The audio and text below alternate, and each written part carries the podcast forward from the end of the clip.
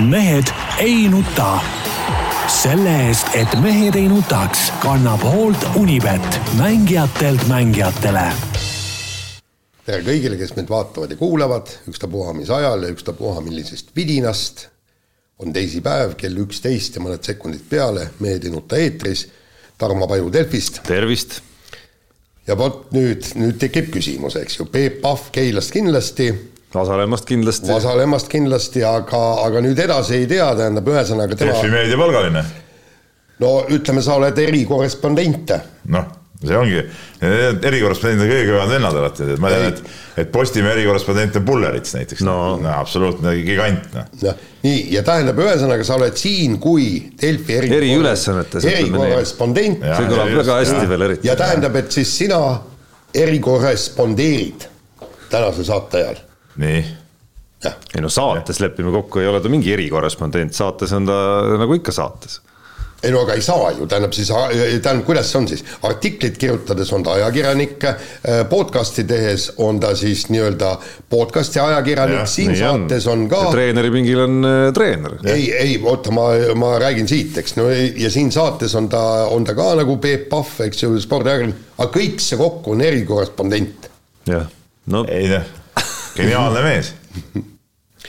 Nii, ja Jaan Martinson igalt poolt mujalt sinu, sinu puhul on ammu juba see, see käis aastaid tagasi, see krõks juba ära, et, et igalt poolt, et ei, ei olegi võimalik defi, defineerida ja, korralikult. jah, et ühesõnaga, nagu ma saan aru, et, et see, et nüüdsest, kui me, kui me tahame siin ka muid teemasid sisse tuua, näiteks mingit poliitikat, midagi, siis, siis Peep on lihtsalt sama vait kui mina korvpallijutu ajal, et, et. sa ei ole kunagi vait korvpalli ajal, ma igaks juhuks ütlen vahele. no vahest oled. sama vait?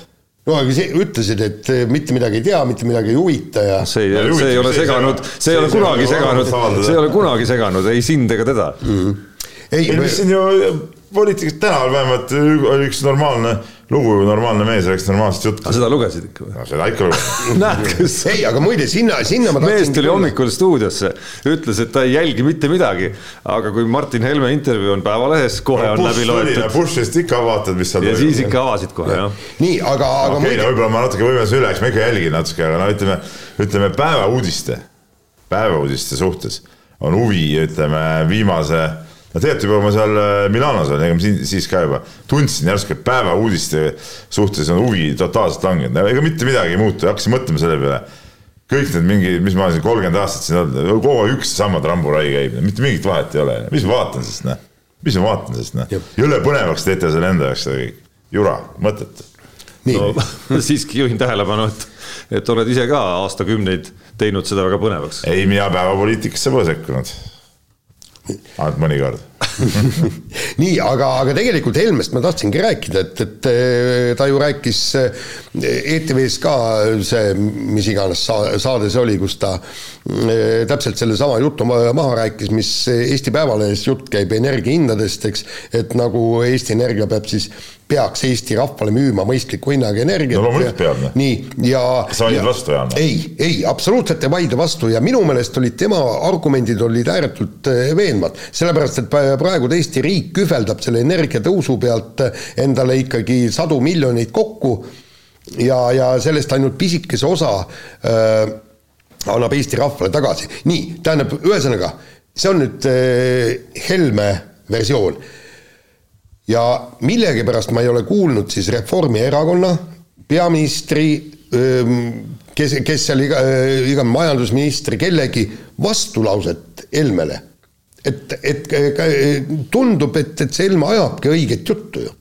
no mis puudutab äh Eesti Energiat ennast, noh siis tegelikult oktoobris seesama asi ju juhtuma hakkabki, ehk siis, ehk siis sellele hinnahullusele pannakse no alles oktoobris, mis me nii kaua oleme oodanud. see on punkt üks oktoobris ja piir pannakse kahesajale eurole kui.... seda vist ei tea praegu veel, kuhu no, see täpselt, kuhu see täpselt see hind siis nagu tuleb, millega aga... meil eratarbijatena on muidugi mõistlik kõigil liituda, ilmselt vähemalt. jah, aga, aga Hel-, Helme ütles, et, et hind oleks kolmkümmend eurot ja, ja mitte ainult siis eratarbijatele, vaid kõikidele tarbijatele no andkem selle põlevkiviga kuuma ja ja lõpetage see muu börsijama ära ja asi, asi korras. ja, ja vähemalt. see on no, mõistlik lahendus no,, igaüks saab aru sellest. selle börsijamaga on ju, on ju ka see asi, millest nagu mina aru ei saa, noh, olles kunagi äh, koolipõlves vähemalt matemaatikas äh, üle keskmise olnud, et äh, et kuidas lõpeb ja noh, ütleme börsijaama lõpetamise all me mõistame erinevaid asju muidugi. üks äärmus on see, et lõpetame üldse nii-öelda selle börsinduse ära, teine asi on, et teeme selle börsinduse korda. nii et kasutame nagu lihtsat umbes viienda klassi tasemel matemaatikat ja lõpetame ära selle Äh, selle, et me maksame nendele tootjatele, kes toodavad hinnaga näiteks üks, maksame kõrgema pakkuja järgi sada, on ju, et noh, ja see kõik tuleb meie taskust, on ju, et see, see ei ole nagu väga keeruline matemaatika, et teha nii, et okei okay,, see üks võib-olla saab saab võib-olla natuke rohkem kui see üks on ju, kus on ka kasum nagunii sisse arvestatud. aga see, millise aeglusega seda probleemi nagu lahendatakse olukorras, kus, kus see nagu tekitab inimeste vaesumist üle Euroopa, see on nagu täiesti karauulik. ja sellepärast, et see raha ju läheb kellelegi absoluutselt. just, ja, ja teine on siis see muidugi see need CO2 äh, kvoodid, mida nad äh, Euroopas prognoosisid, et noh, et, et see hind jääb niisugune kahekümne euro äh, kanti ja nüüd on juba hinnad sada eurot ja pluss. CO2 kvoot on mingi väljamõeldis. see on ju, seda, see on asi, mida ei ole olemas, et see on ei, lihtsalt, lihtsalt mingi täiesti, lihtsalt mingi jaburus, tead. ongi, ja jälle võetakse no, ju meie taskust. muidugi meie taskust võetakse, see on mingi täielik jama. aga ei, aga ikkagi poliitmaastikku tahaks veel nagu sekkuda, ma saan aru ikkagi, et siin. mul oli kolmas, kolmas kolmas väike märkus veel, mis puudutab energiandust just, et, et tahaks tervitada Keskerakonna inimesi ka, et et, et tegite tubli meeleavalduse, mis on okei okay,, on ju iseenesest, teema on ju ka väga asjakohane. oota, oota, oota, teema on ka asjakohane iseenesest, aga oota, aga kui te valitsuses olite, mis te siis tegite, et näiteks Eestis oleks äh, selle aja jooksul mõni, mõni megavatt-tund nagu tootmisvõimsust juurde tekkinud, et meil praegu see kriis väiksem oleks. mis, te, mis te siis jaa. tegite, öelge mehed noh. see nagunii pluss siis mingisugune komead mingisuguse küttepuudega seal, no mis, no mis, mis tsirkus see on, no kuradi täismehed, no tead no,, ajuvaba täiesti, aga mis ma tahtsin veel välja tuua, ma saan aru, et siin üks äh, proua äh, on endale siis kõrgepalgalise koha määranud ise, ise iseendale, tead, et see on ka nagu, no ma ütlen, et midagi ei muutu, no selles mõttegi tehti siin kolmkümmend aastat tagasi üks tsirkus tehakse siiamaani, tead. et, et, ähm, et ma saan aru, siis Keit Pentus-Rosimannus äh, on siis endale määranud äh, Euroopasse kõrgepalgalise koha, tead, noh. Pole paha tegelikult, noh. sa ei taha Tarmole sellist kohta määrata või? Ega ma nagu väga ei tahaks sinna Miks? minna, aga palk on muidugi no, hea, et võib-olla isegi läheks. sihukese palga eest ma oleks ükspuha mida tegema. ei no läheks seal paar-kolm aastat töötaks ära ja siis kõik edasi rulliks pensioni, niimoodi tähendab, mis elu lõpp. ma täitsa oma taskust isegi oleks nõus. ma võin labida ka kuivkäimlat ka tühjaks tõsta, tead. ja selle palga eest ma isegi oleks valmis sealt mingi nagu isiklikuks sponsoriks hakkama Keila korvpalliklubile näiteks ma ei tea, mis inimesed natuke, raha teevad. ma olen mõelnud, mis inimesed teevad selle rahaga, kes nii palju palka saavad, tead. mis see, mis neil selle nagu selle raha tarbimise nagu mõte üldse on siis? ei, aga see oli ju väga hea. Nad pigem tahavad veel. aga miks?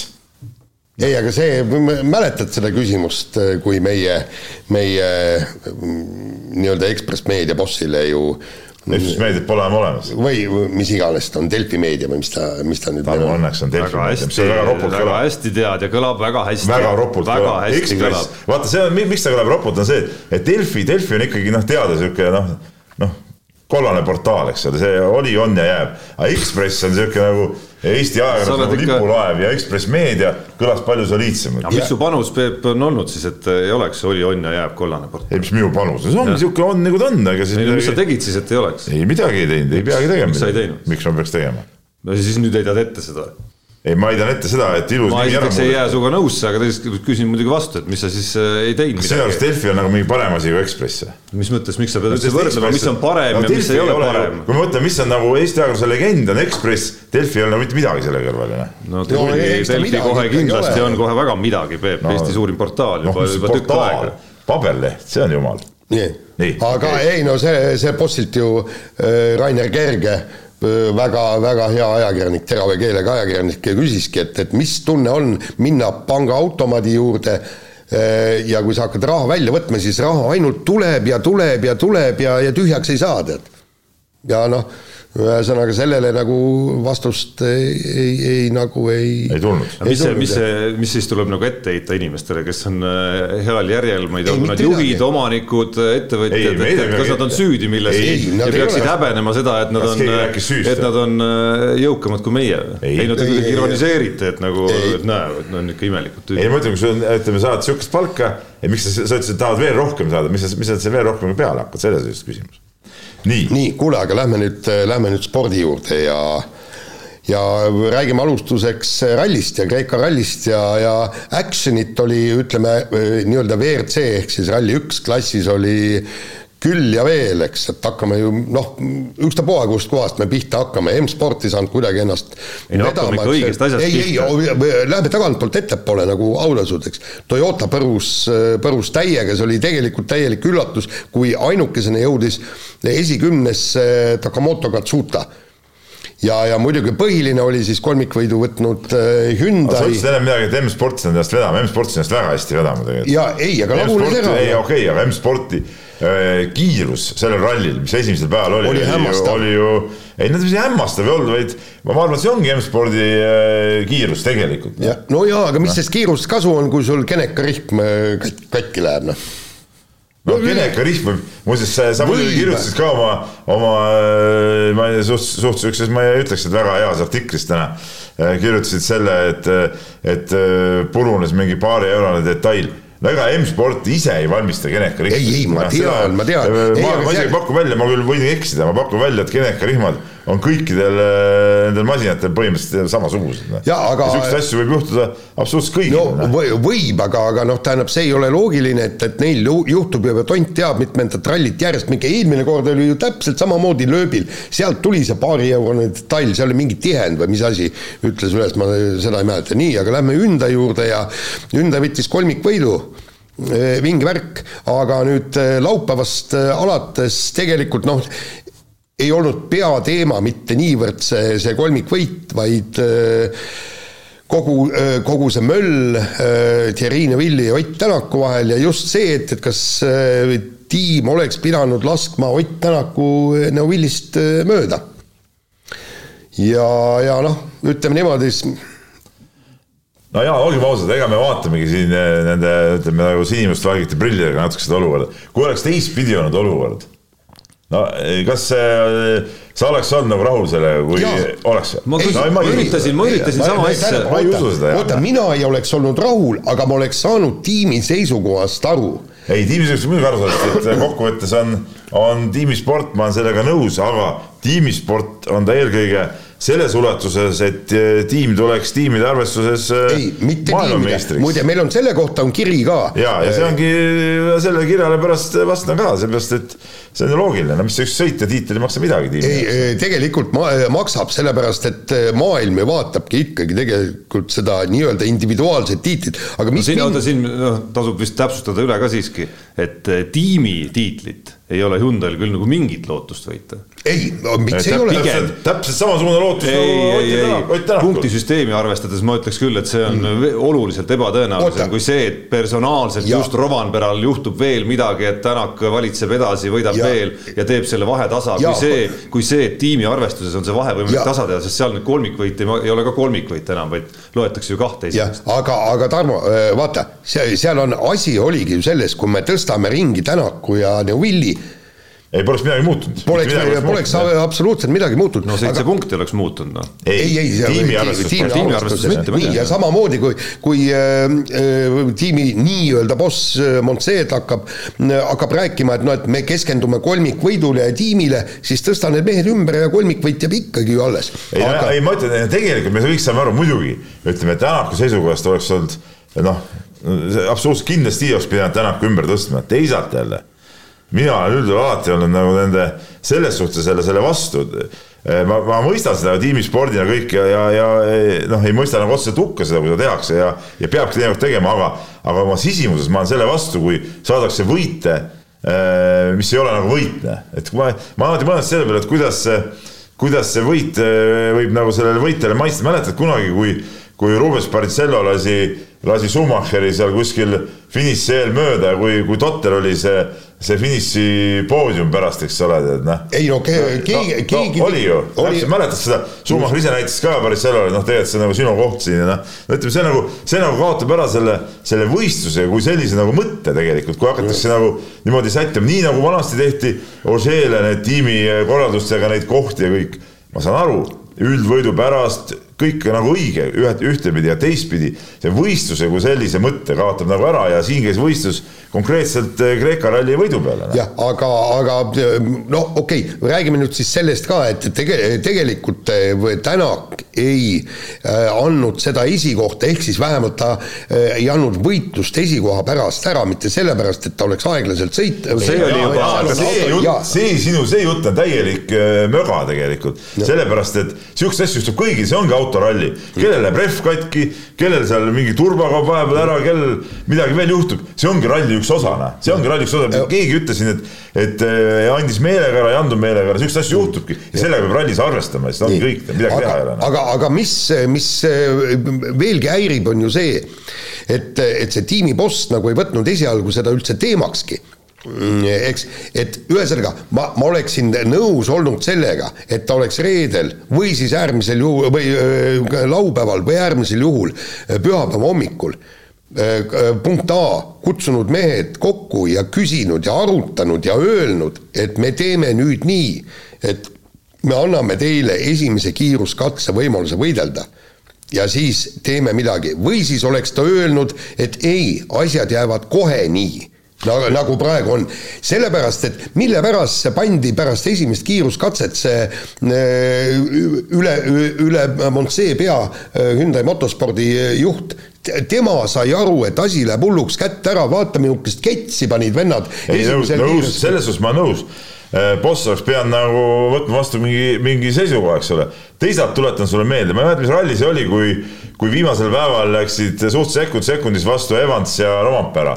Toyota ka ei teinud äh, mitte mingit äh, korraldust tookord, et Rompera peab võitma ja aga, aga, jaa, aga ma ei, ma ei mäleta, milline seis seal oli. seal oli nippa-nappa, kas mingi sekund-kaks oli Roompere kasuks jääb, aga ei olnud seda, et, et Evans ei tohi rünnata, sihukest no, käsku seal ei tulnud. siin mõnes mõttes oli olukord teistsugune selles mõttes. ei, vaata, Tarmo, meie asi selles ei ole teistsugune. küsimus selles, et selles võitluses, et, et kui mõlemad hakkavad push ima üle, üle oma võimet, siis võivad mõlemad Äh, kraavi sõita ja, ja tiimkaaslased lihtsalt oma punktid ära. sama asi, sama olukord oli Toyota tegelikult, kui need vennad seal push isid, oleks nad äh, mõlemad võinud katkestada ja oleks äh, tiim oma punktidest ilma olnud. ja aga teistsugune selles mõttes, et vahe oli siiski ümmarguselt kolmkümmend sekundit, et see ei olnud ju sõiduga tasa tehtav no Tänak läks ja tagasi ta tegema. Läks tagasi tegema, aga pigem see ei tundu nagu ju tagantjärele mõistlik otsus isegi minna seda kolmekümne sekundilist mitu no, kilomeetrit sinna pühapäeva jäänud oli. sellepärast, ei seal oli vähe, aga sa lähed sellepärast push ima, et äkki teisel midagi juhtub. Läheb rehv, ma ei tea, teeb mingi äh, pirueti kusagil, eks ole.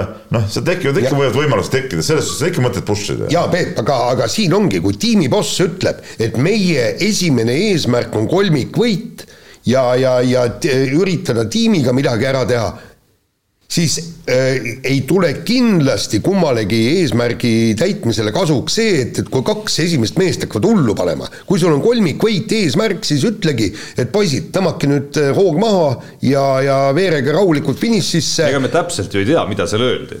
võib-olla öeldigi seda, aga Tänak push'is ikkagi. ja, ja siis, ja siis tuli kõrgem boss ja ütles, et kuule, lõpetame ära. Tänak ju ütles äh, kiiruskatse lõpus, ütles, et ja ta, ta oli ka sellest pettunud, et minuga ei räägitud täna hommikul mitte midagi sel teemal. sa pead vähemalt vähemalt rääkima meestega.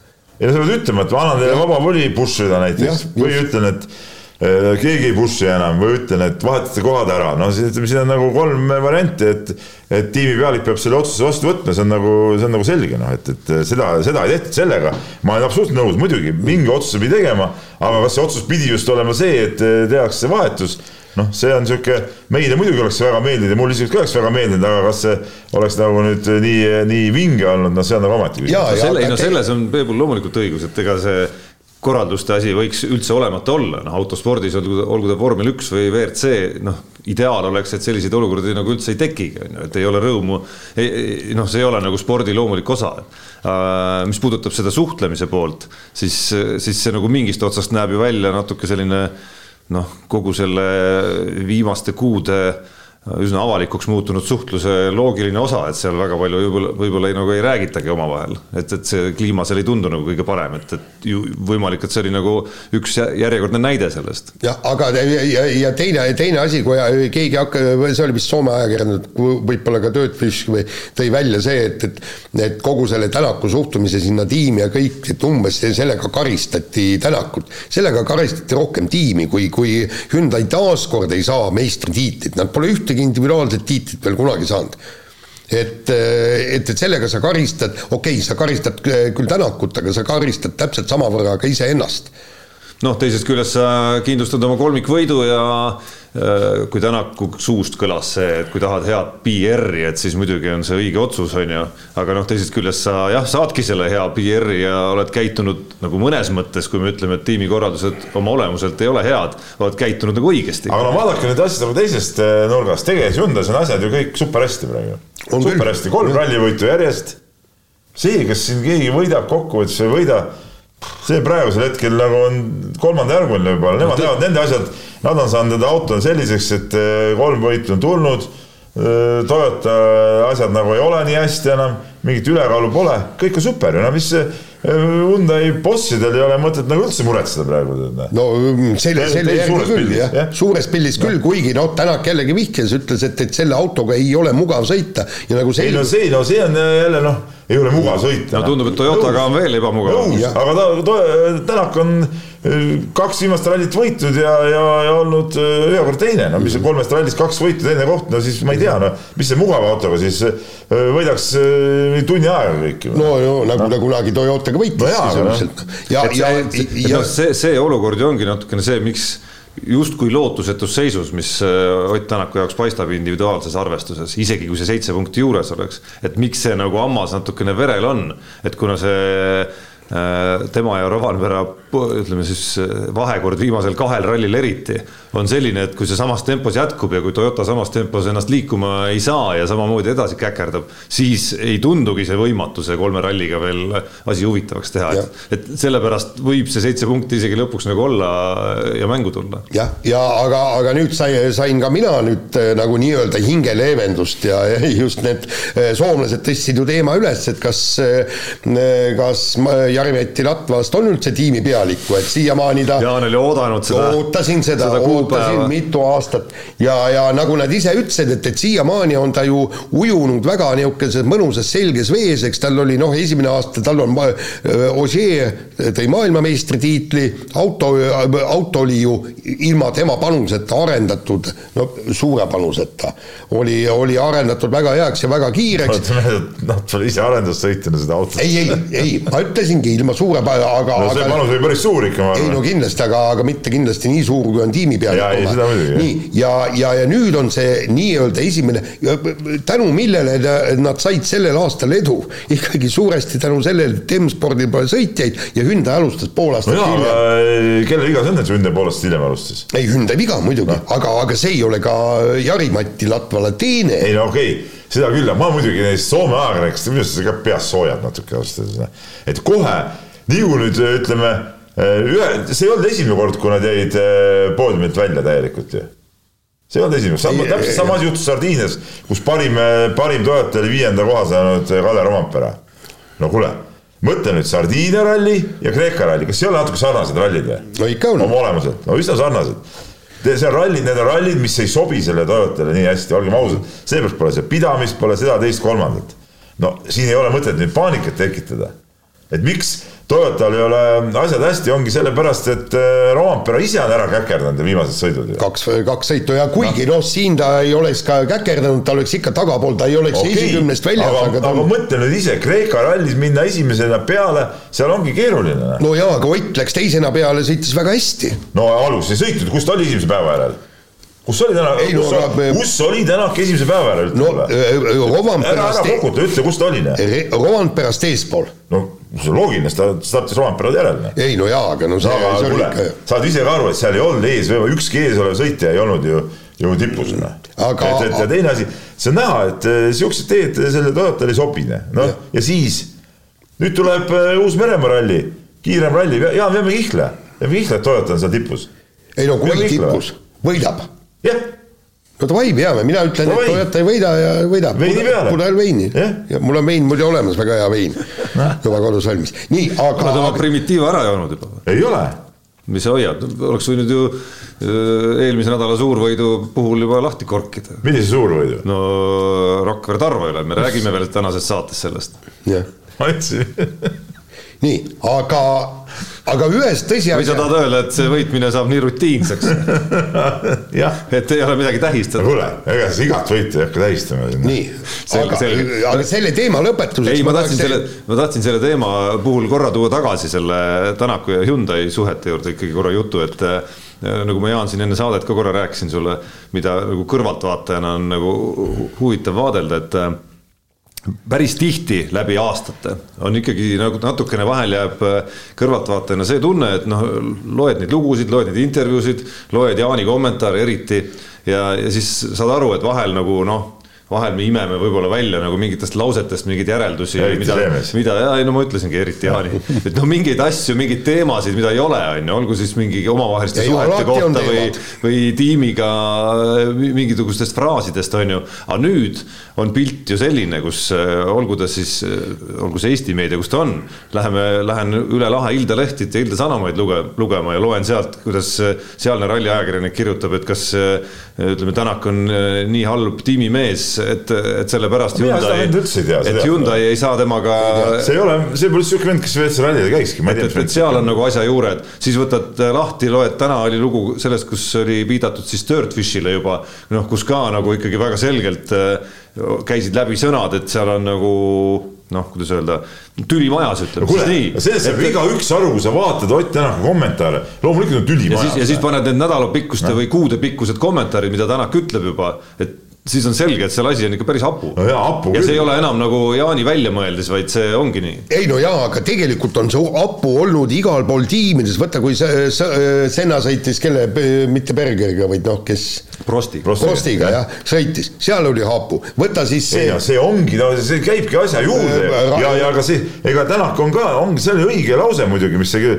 et ta on ebamugav äh, sõitja või ebamugav tiimiliige, aga mis siis noh ta on kuradi kiire ju seejuures ja noh, ei ole vahet, no mis ebamugavad vennad tuleb, tuleb ka üle elada, ega siis, ega siis on kossusatsides on Ei no see on klassikaline- vendi, kes tassivad ja Ei no, see on klass, klassikaline, klassikaline ju- küsimus, kuidas staar, staar teha tiimi, tiimi noh, liikmeks. ja siiamaani on, on ta ju, ju tassinud, teinud ja, ja olnud, mis ja see ebamugavus tuleb üle elada tiimi poolt, ongi ja täpselt. sama oli aga kas sa ei ole nõus, et ta natukene siiski, kui sa nüüd tood kasvõi oma paralleeli, sa oled nagu noh, omal tasemel, aga sarnases olukorras praegu treenerina oma meeskonnaga, et Tänak on ikkagi ju noh, mingeid asju, mille kohta tahaks öelda võib-olla, et võiks tiimi sisse jääda, on, on ikkagi üsna lahtise tekstiga toonud avalikkuse ette. ilmselgelt on Tänak ju meelega seda teinud ju noh seda on tal tarvis olnud, et mingid protsessid hakkaks liikuma, nii nagu ta soovib, ega ta siis, ta saab aru, ta ilmselt, ta ju tükk aega ju tegelikult ei tulnud nende detailidega välja, eks ole.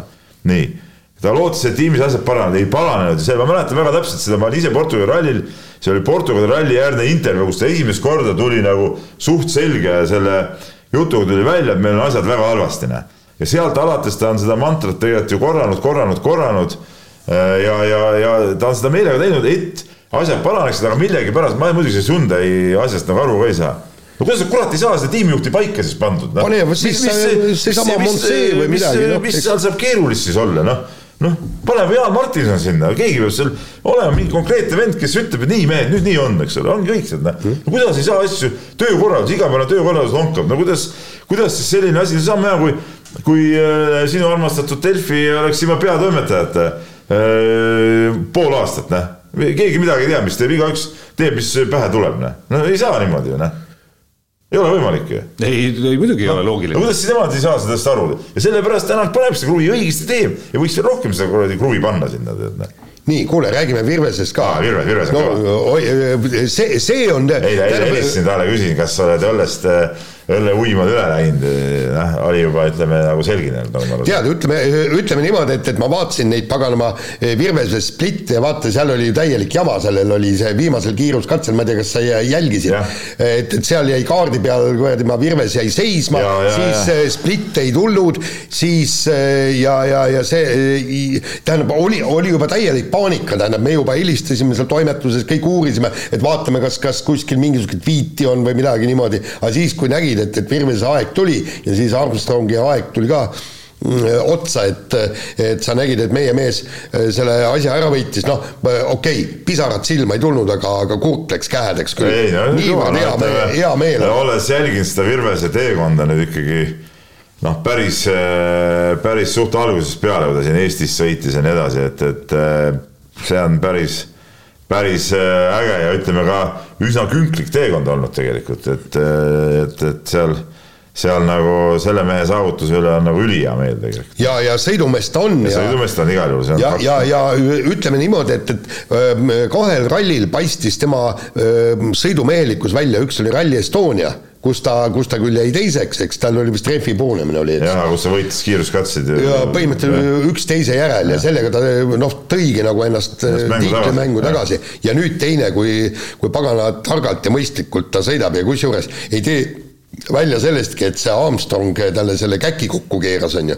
et äh, põhimõtteliselt vahetas rehvi ära ja tuli rajale täpselt virve sees, virves pidi tolmust sõitma, kuigi ta sai äh, natuke mõned sekundid sealt tagasi et, et no ega Virvesest me võiks vist ilmselt pikalt rääkida. ma küsin aga... parem, on küsin. temas potentsiaal, ma eile sattusin lugemas, see oli nüüd ka Soome väljaanne vist, mitte me ei olnud vist tõlkinud seda, vaid jäigi Ilda Sanomates või kuskil ette. et Jari-Mati Latvala pealkiri oli sihuke intrigeeriv nagu alati, et, et Jari-Mati, Jari-Mati Latval avaldas siis mehe nime, kes tema arvates on järgmine esiletõusja ja, ja see ei olnud Robert Virves, vaid see oli siis see soomlane, kes oli tema konkurent seal, Pajala või, või midagi sellist. Pajari, võitis eelmine aasta seda sarja juba. ja nüüd ta sõitis, see on loogiline, Pajari sai see aasta juba WRC kahega sõita, sa ei saa sa ei saa esiletõstjat juunior WRC sarja põhjal nagu ütelda. et kus Virves asub nüüd selles no, järgmine, järgmine esiletõusja konkurentsis? ei no järgmine aasta on nüüd näha, kui ta saab sõita WRC kaks sarjas, see, see annab nüüd nagu selgema pildi, mis siis see tegelikult see kiirus ja ja võimalused tal on, et noh, et, et seda niimoodi ütelda, et kus ta praegu asub, seda on, on keeruline. sa ei ole WRC kahega ju tippude vahel sõitnud. ja, ja kusjuures veel järgmine aasta annab mingisuguse osa pildist. ja ja, ja. ja, ja, ja täie pildi saame ikkagi, ikkagi siis, kui ta teist aastat juba sõidab, sõidab WRC kaks autoga, et, et, et, et siis võib praegu öelda, aga, aga lootust on. ja, ja, no ta on ikka noor vend ja, ja sealt, no seal lootust on jah, täpselt aga hüppame teise tänase saate suurema teema juurde, korvpalli Euroopa meistrivõistlused luubi all. Eesti koondis on oma etteastet lõpetanud, üks võit Suurbritannia üle jäi siis meie saagiks, mis puudutab turniiri tabelit. ports emotsioone sinna juurde, kelle jaoks positiivsed, kelle jaoks negatiivsed ja, ja ma arvan, et see algküsimus siin teemas ju taandubki sellele, et, et kas olla nüüd sillas selle üle, kui, kui äge see emotsioon oli ja, ja kui palju kui palju, kui palju mänge ja mängu Eesti suutis pakkuda või ikkagi, või ikkagi olla kurb ja kriitiline, et, et edasipääs jäi saamata? no lõpuks äh, loeb ikkagi tulemus, noh. midagi teha ei ole, edasipääsu ei tulnud. ma kirjutasin enne EM-i, et äh, rahul saab olla ainult siis, kui edasi pääsetakse, edasi ei pääsetud, selles suhtes tulemuse poolest rahul olla muidugi ei saa, see on nagu, see on nagu selge, et, et äh, et noh, ilus kaotus on ilus kaotus ja see ei maksa paraku suurt, suurt mitte midagi. teisalt jälle muidugi oli tore vaadata seda, kuidas seal mingid mehed mängisid, kuidas, kuidas, äh, kuidas ütleme, pakuti, äh, ütleme see kaks mängu, see Ukraina ja Horvaatia ikkagi mängiti nendega ju nagu võrdne võrdsega, aga noh, jäädi mõlemas ikkagi alla, noh, et, et äh, noh, ütleme see Itaalia mäng ja, ja, ja Kreeka mäng, no seal eriti millestki nagu rääkida ei olnud. no samas rahulolu ja hinnang ei saa, no tulemuse mõttes saab, aga, aga ei pruugi alati olla mustvalge siiski, et. see ei olnudki mustvalge, ma vaatasin. et me jah, et ei ole rahul, sest edasipääsu ei tulnud, samas kas see tähendab, et, et peab olema absoluutselt mitte rahul, on jälle, on jälle teine küsimus no,. absoluutselt mitte rahul võib-olla mitte, aga me et, et, nagu ei meie, pääsenud äh, kuueteist parema hulka, noh. et meie, et meie põhjus, meie põhjus ja argumendid äh, olla ütleme siis väga-väga pettunud, noh, on kindlasti väiksemad kui nii mõnelgi muul meeskonnal, kes ei saanud edasi. et, et noh, tulles alguse tagasi, noh siis paberil ma arvan, me olimegi viies, viies meeskond selles alagrupis. see, et nüüd meil jäi äh, emmas-kummas mängus, kas Horvaatia või Ukraina vastu tegelikult üks olukord puudu, ükskõik kummas mängus üks olukord jäi puudu selleks, et see mäng siis no, teistpidi, teistpidi pöörata, siis, äh, siis noh, seda oli ma arvan isegi võib-olla natuke rohkem, kui mõni lootis, aga teisest küljest ma olen ka nõus, et ei saa ka üdini öelda, et kõik oli nüüd nii hästi, et, et seda, et need järeldused, kui ma nüüd kuulan ja vaatan, alates fännidest kuni, kuni meie erinevate teiste analüütikute ja, ja kommentaatoriteni, kipuvad minu arust tihti nüüd kahte äärmusesse minema, millest üks on, et kõik oli nagu nii äge, noh, tõesti nagu super-super, me oleme nii noored ja, ja me olime ikka nii-nii tublid ja siis teine äärmus on see, et, et noh tegelikult oli katastroof, eriti Jukka Toial. noh, see nii noored äh, jutt, äh, ma just eile õhtul trennist koju sõites kuulasin, polnudki veel kuulanud seda reedest Kalev Kruusi ja Andres Sõbra, Heino Endeni juttu, kus Heino Enden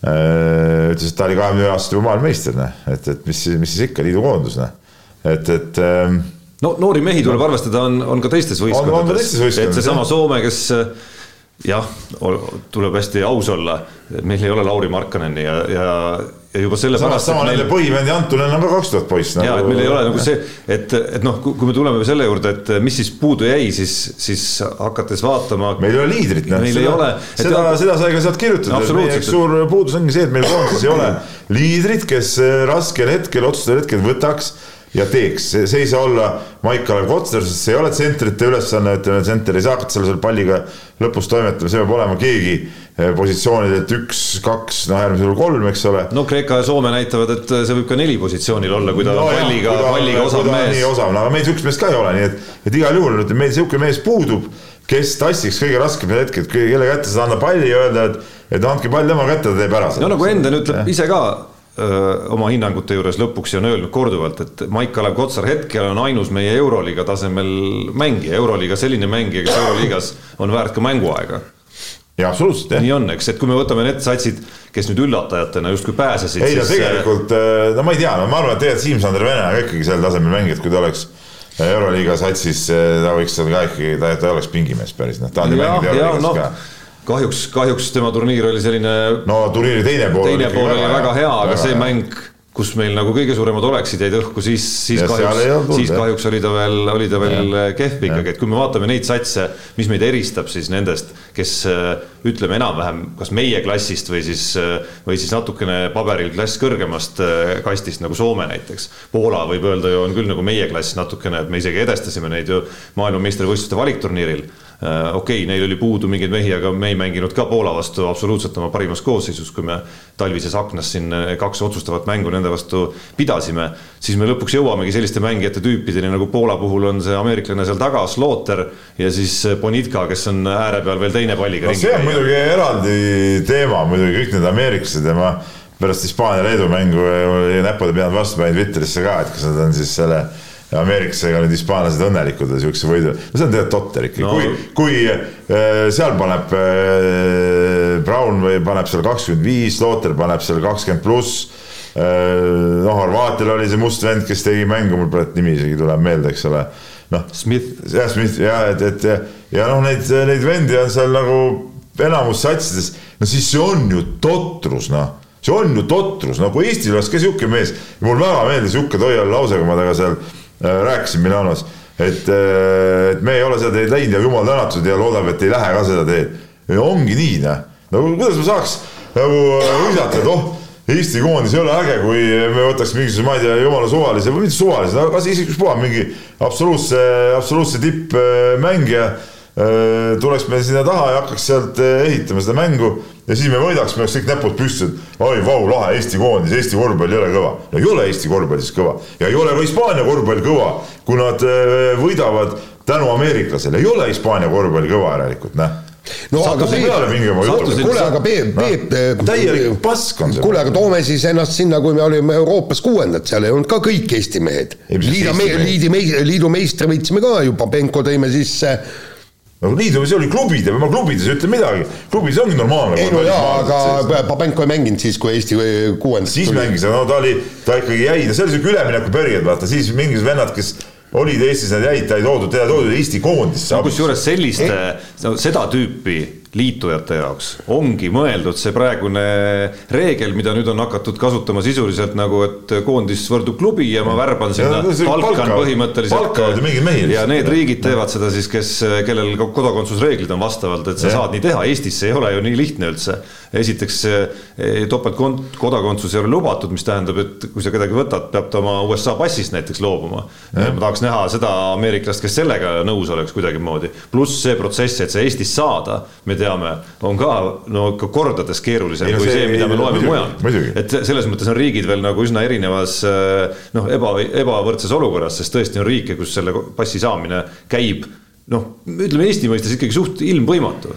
On see, on, me võime rääkida sellest, aga see ei ole, see praktikas ei ole teostatav juba ammu ju ei no jaa, aga tegelikult oli ju Ja ei, no see- see on jama täielik. ammu on juba räägitud ju, et, et nii-öelda spordikodakondsuse al- andmisest ja mäletad, see tuleks, see see tuleks ära lõpetada, jutud. aga ma olen, Järsku- sa, kes, kes on kuulanud meie saadet läbi aastate, teavad, et, et ma olen ka resoluutselt sa selle vastu ma tean, ma tean, ja jah. eile sattusin lugema ühte statistikat, kuhu see asi jõudnud on. see statistika puudutas Euroopa meistrivõistluste finaalturniiri alagrupi mängudes visatud punkte ja nüüd on teile viktoriini küsimus, millise rahvuse esindajad viskasid korvpalli Euroopa meistrivõistluste finaalturniiri Ameeriklased. alagrupi faasis kõige rohkem punkte kuussada midagi oli see number. ameeriklased ja jah? vastab tõele jah jah, kuule isegi kreeklased, ma ei tea, no mis neil veel puudu on. ei no kreeklastel on siiski äh, tõesti Kreeka juurtega mängija, selles No- mõttes tal on, ta on ka okei veel noh. no jaa, aga no ta on ikkagi nagu toodud sinna no ei, no nii ja naa, selles mõttes tal on tõesti need juured olemas, noh, see ei ole välja mõeldud, nii nagu Kuusmaale ja Sokule mõeldi need No üheksakümnendate no alguses. välja, et, et, et siin on, on ka see link olemas. Just selle jaoks nagu sellised mehed nagu Ignas Prasteikis leedulastel või Kase Torsi äh,, itaallastel on Nico Mannion, selliste jaoks ongi see reegel mõeldud, et äh, kes on saanud oma kodakondsuse Prasteikis on Leedus sündinud, mis on asja. küll, aga ta on ära läinud ja vahepeal Leedu kodakondsusest loobunud ja, ja see, et ta tuli jah, Kanada Valtur., Kanada koondise esindanud isegi. ja, ja siis ühel hetkel tuli tagasi no sellega, selles osas me oleme eri meelt küll. aga tuleme Eesti juurde tagasi äkki. ja kui ta on Kanada, koondist esindanud, ma räägin, siukseid ei tohiks tagasi anda. ei no miks mitte. Mis sa vaenad neid välis-, käid Vahtrale lipp äh, üle õlgade, taod vastu rindu, eks ole äh,, ja siis lähed äh, taod vastu rindu Leedu lipuga. mis sa arvad, et Prasteikis tegi ise otsuse lapsepõlves, et pere, kolime nüüd USA-sse ja sealt edasi Kanadasse? mis siis? ei no kui mis siis, siis mis siis. See tema ei ole ju teadlikku otsust teinud üldse nendes küsimustes. iseenesest ju tore, vastupidi, aga no mõte jääb samaks, et, et noh, sellised asjad ongi okeid minu arust, aga, aga selline värbamis, nii-öelda värbamismaraton, noh, see ei ole okei, aga mulle tundub, et ega see kedagi ei huvita. jalgpallis on tehtud, eile sattusin lugema vist mingi reegel, mis eeldab ikkagi selle sellisel moel kodakondsuse vahetanu koondisse võtmist. Et sa pead olema mingi arv aastaid elanud ka päriselt püsivalt seal riigis ja, ja see siis annabki selle võimaluse, et, et, et seda reeglit kasutatakse nende selliste mängijate jaoks, kes nagu päriseltki on ennast sidunud No, no selle no riigiga see ongi õige, mitte, mitte nagu jah. näiteks Lorenzo Brown või seesama. sama, no sama, aga seesama Toorsi ka noh, mitu aastat elanud on Kreekas siis noh? ma peast ei julge öelda, aga noh, ühe hooaja ta vähemalt mängis no, jaa, olümpiaakuses. jaa, aga no oli mingi üks-kaks hooaega võib-olla noh, see pole mingi püsiv elamine. okei okay,, see selleks, aga, aga äh, et, et kui ma ütlen, et noh, et meie, meie osas need äh, järeldused on sellised, kipuvad natukene ka kahte äärmusesse minema, siis noh, nagu alati see tõde on kuskil seal keskel, pean mina vist ütlema, et natukene jäi meil kvaliteeti puudu. jah, eriti nende noh, nende siis palliga mängivate tegijate kvaliteedi osas just, et, et keegi oleks siis nagu staarmängija või nagu Euroliiga tõesti nagu põhimees ka seal ja, võib-olla siis sealt saame otsida neid põhjusi, miks meil jäi mõni korv kuskil puudu noh, kuigi lõpuks oli küsimus ikkagi ühes lauapallis, mis oleks kukkunud teistmoodi, mille me oleks kätte saanud ja me oleks mänginud kaheksandat finaali. ei no kokkuvõtt, vot see on alati kõige suurem rumalus minu arust, mis räägitakse praegu, sorry, Tarmo, sa oled muidu oled tark poiss. aga see, et eh, küsimus oli ühes lauapallis. no aga võib-olla küsimus hoopis eh, teisel veerandajal ühes eh, möödaviskes, noh. ei no võib-olla oli ühes vahetuses noh.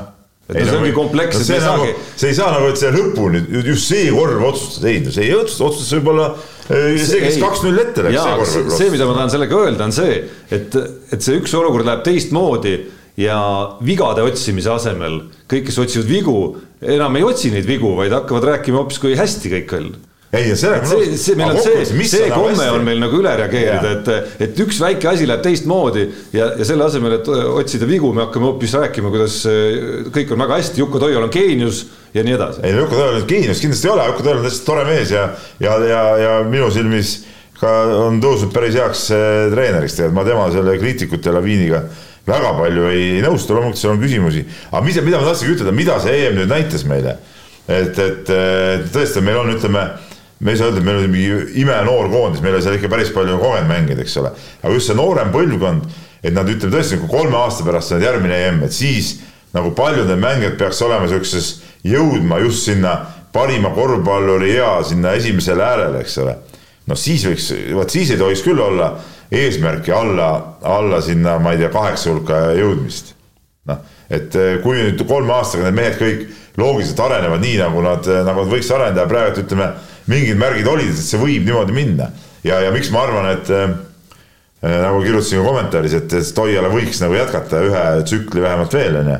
et, et seda nüüd nagu mingit uut vagu, mida ta on ajanud no las ta ajab nüüd seda veel korra edasi, eks ole, ja, ja on see Rannula, mida paljud tahavad selle koha peal näha, on seal juures ja, ja las teevad siis koos seda ja küll lõpuks siis Rannula võtab selle mingi aeg üle, kui õige aeg on, et et mina arvan küll, et Toiala selle tööga, mis ta nagu, kuna ta on nagu võetud sinna alaliitu tööle ka selle nii-öelda laiema programmi peale, et noh, ta töötab klubidega, ma ei tea, mingi noortesüsteemi asju teeb, siis, siis palun väga, või teine variant, et okei okay,, paneme siis koondise peatreeneriks äh, mingisuguse noh, tõesti paneme Rannula või, või ühe kindla treeneri, kes tõesti tuleb klubi juures tegeleb ainult selle koondisega ja siis Toiale jätta nagu alaliitu mingiks nii-öelda ala spordidirektoriks, kes, kes kogu seda äh, pilti haldab ja aitab teha ja, ja võib-olla omab mingit sihukest suuremat äh, kaalukat sõna, et noh, see on, see on tead nagu teine variant. Noh. aga tema, ütleme, teenetest niisama praegu loobuda ei ole ka nagu mõtet. no mina kaldun, mina kaldun ka, mina kaldun ka sinna, et, et noh, esmased eesmärgid äh,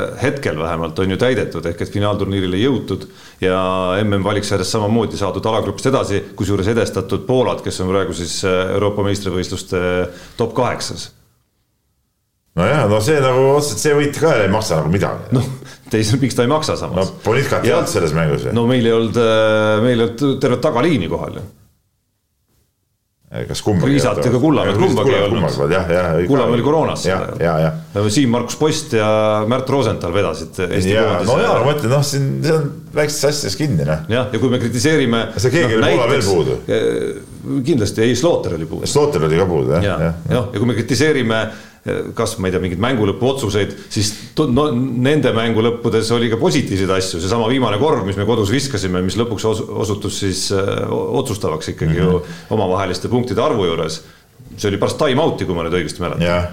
ei saanud ka väga paha, paha ikkagi olla. muidugi äh, ma kahtlustan, et Jukka Toiala, kui ta ise analüüsib koos treeneritega, leiab ka ise päris palju asju, mis äh, no,, mis, äh, milles võib-olla nagu kõige teravam pliiats ta mingil hetkel ei olnud. ja mul on tunne, et näiteks, mis puudutab neid vahetusi, siis ta viimases kahes mängus natukene, natukene see taktika näiteks muutuski ma ei tea, kas sa, sa, sulle, sul jäi see mulje, aga minu arust hakkasid mehed pigem esimese veeranda teises pooles nagu ükshaaval väljakule tulema. Et ei, ei toimu, et ei toimunud seda kolme-nelja Äh, seda vahetuse asja no,. mis on ka võib-olla üle müstifitseeritud, aga, aga, aga isegi Peep, isegi, isegi Leedu korvpalliga on see peatreeneri suust kõlas tsitaat siin enne Hispaania mängu. et jah, see on hea selleks, et äh, rütm või kiirust ja agressiivsust üleval hoida, aga rütmi hoidmiseks ta ei ole hea. no palju, tõid nüüd äh, Max Wittise mängu, aga selle mehe kohta mul on palju rohkem küsimusi kui Toiala kohta. Alloona, mis see, mis see viimases mängus siis nüüd toimus, et noh, korvialune põhijõud istub sul sisuliselt terve lõpu pingil ja mingisugune Sabonis seal löterdab ja teeb debiilseid katteid, mis antakse ebasportlikuks veaks. halloo, kus Valanciunas oli siis, noh? mis ta pingi peal istus? okei okay,, tal ei olnud väga hea päev, aga sellises mängus sa pead ikkagi usaldama ikkagi sellist meest sinna korvi alla. jah, aga noh, kuni jäi neli-viis minutit mängida, kõik töötas.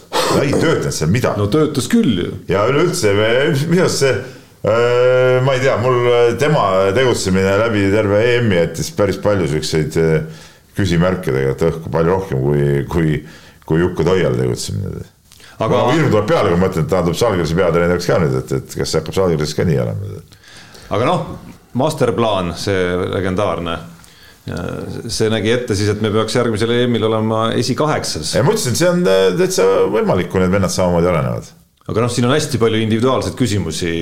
iga mehe, iga mehe täiesti väga individuaalsed küsimused, mis valiku, alustades sellest, mis valikuid üldse karjääris tehakse, kuidas treenitakse Äh, kuidas suudetakse siis igasuguse erinevates olukordades hakkama saada, mis tulevad, kuidas terve püsitakse ja nii edasi ja nii edasi. ja muidugi õnnes väga palju kinni. ja et siinsamas ühes äh, viimases korvpallistuudios, vähemalt Eesti mängude järgses korvpallistuudios tuli Alar Varrakuga ka juttu sellest, et, et seesama valikute küsimus ka, et mis valikuid sa teed oma karjääri jaoks ja minu arust Sander Raieste on siin, on siin väga hea näide, et, et kui ta jääbki sellisesse rolli, nagu ta on Victoria Baskoonias olnud viimased aastad kõik, kus ta, ma arvan, et ei trennis, ammugi mitte mängus, ei ole ju palliga tegutsemist üldse, siis väga raske on näha seda arengut seal ka selliseks nagu meisterlikuks palliga tegutsejaks, mida kõik ootavad, et oh, et on Baskonia ja siis, siis küll ta peaks olema meie vedaja. kas Baskonia viimast täiendust panid tähele, väga huvitav.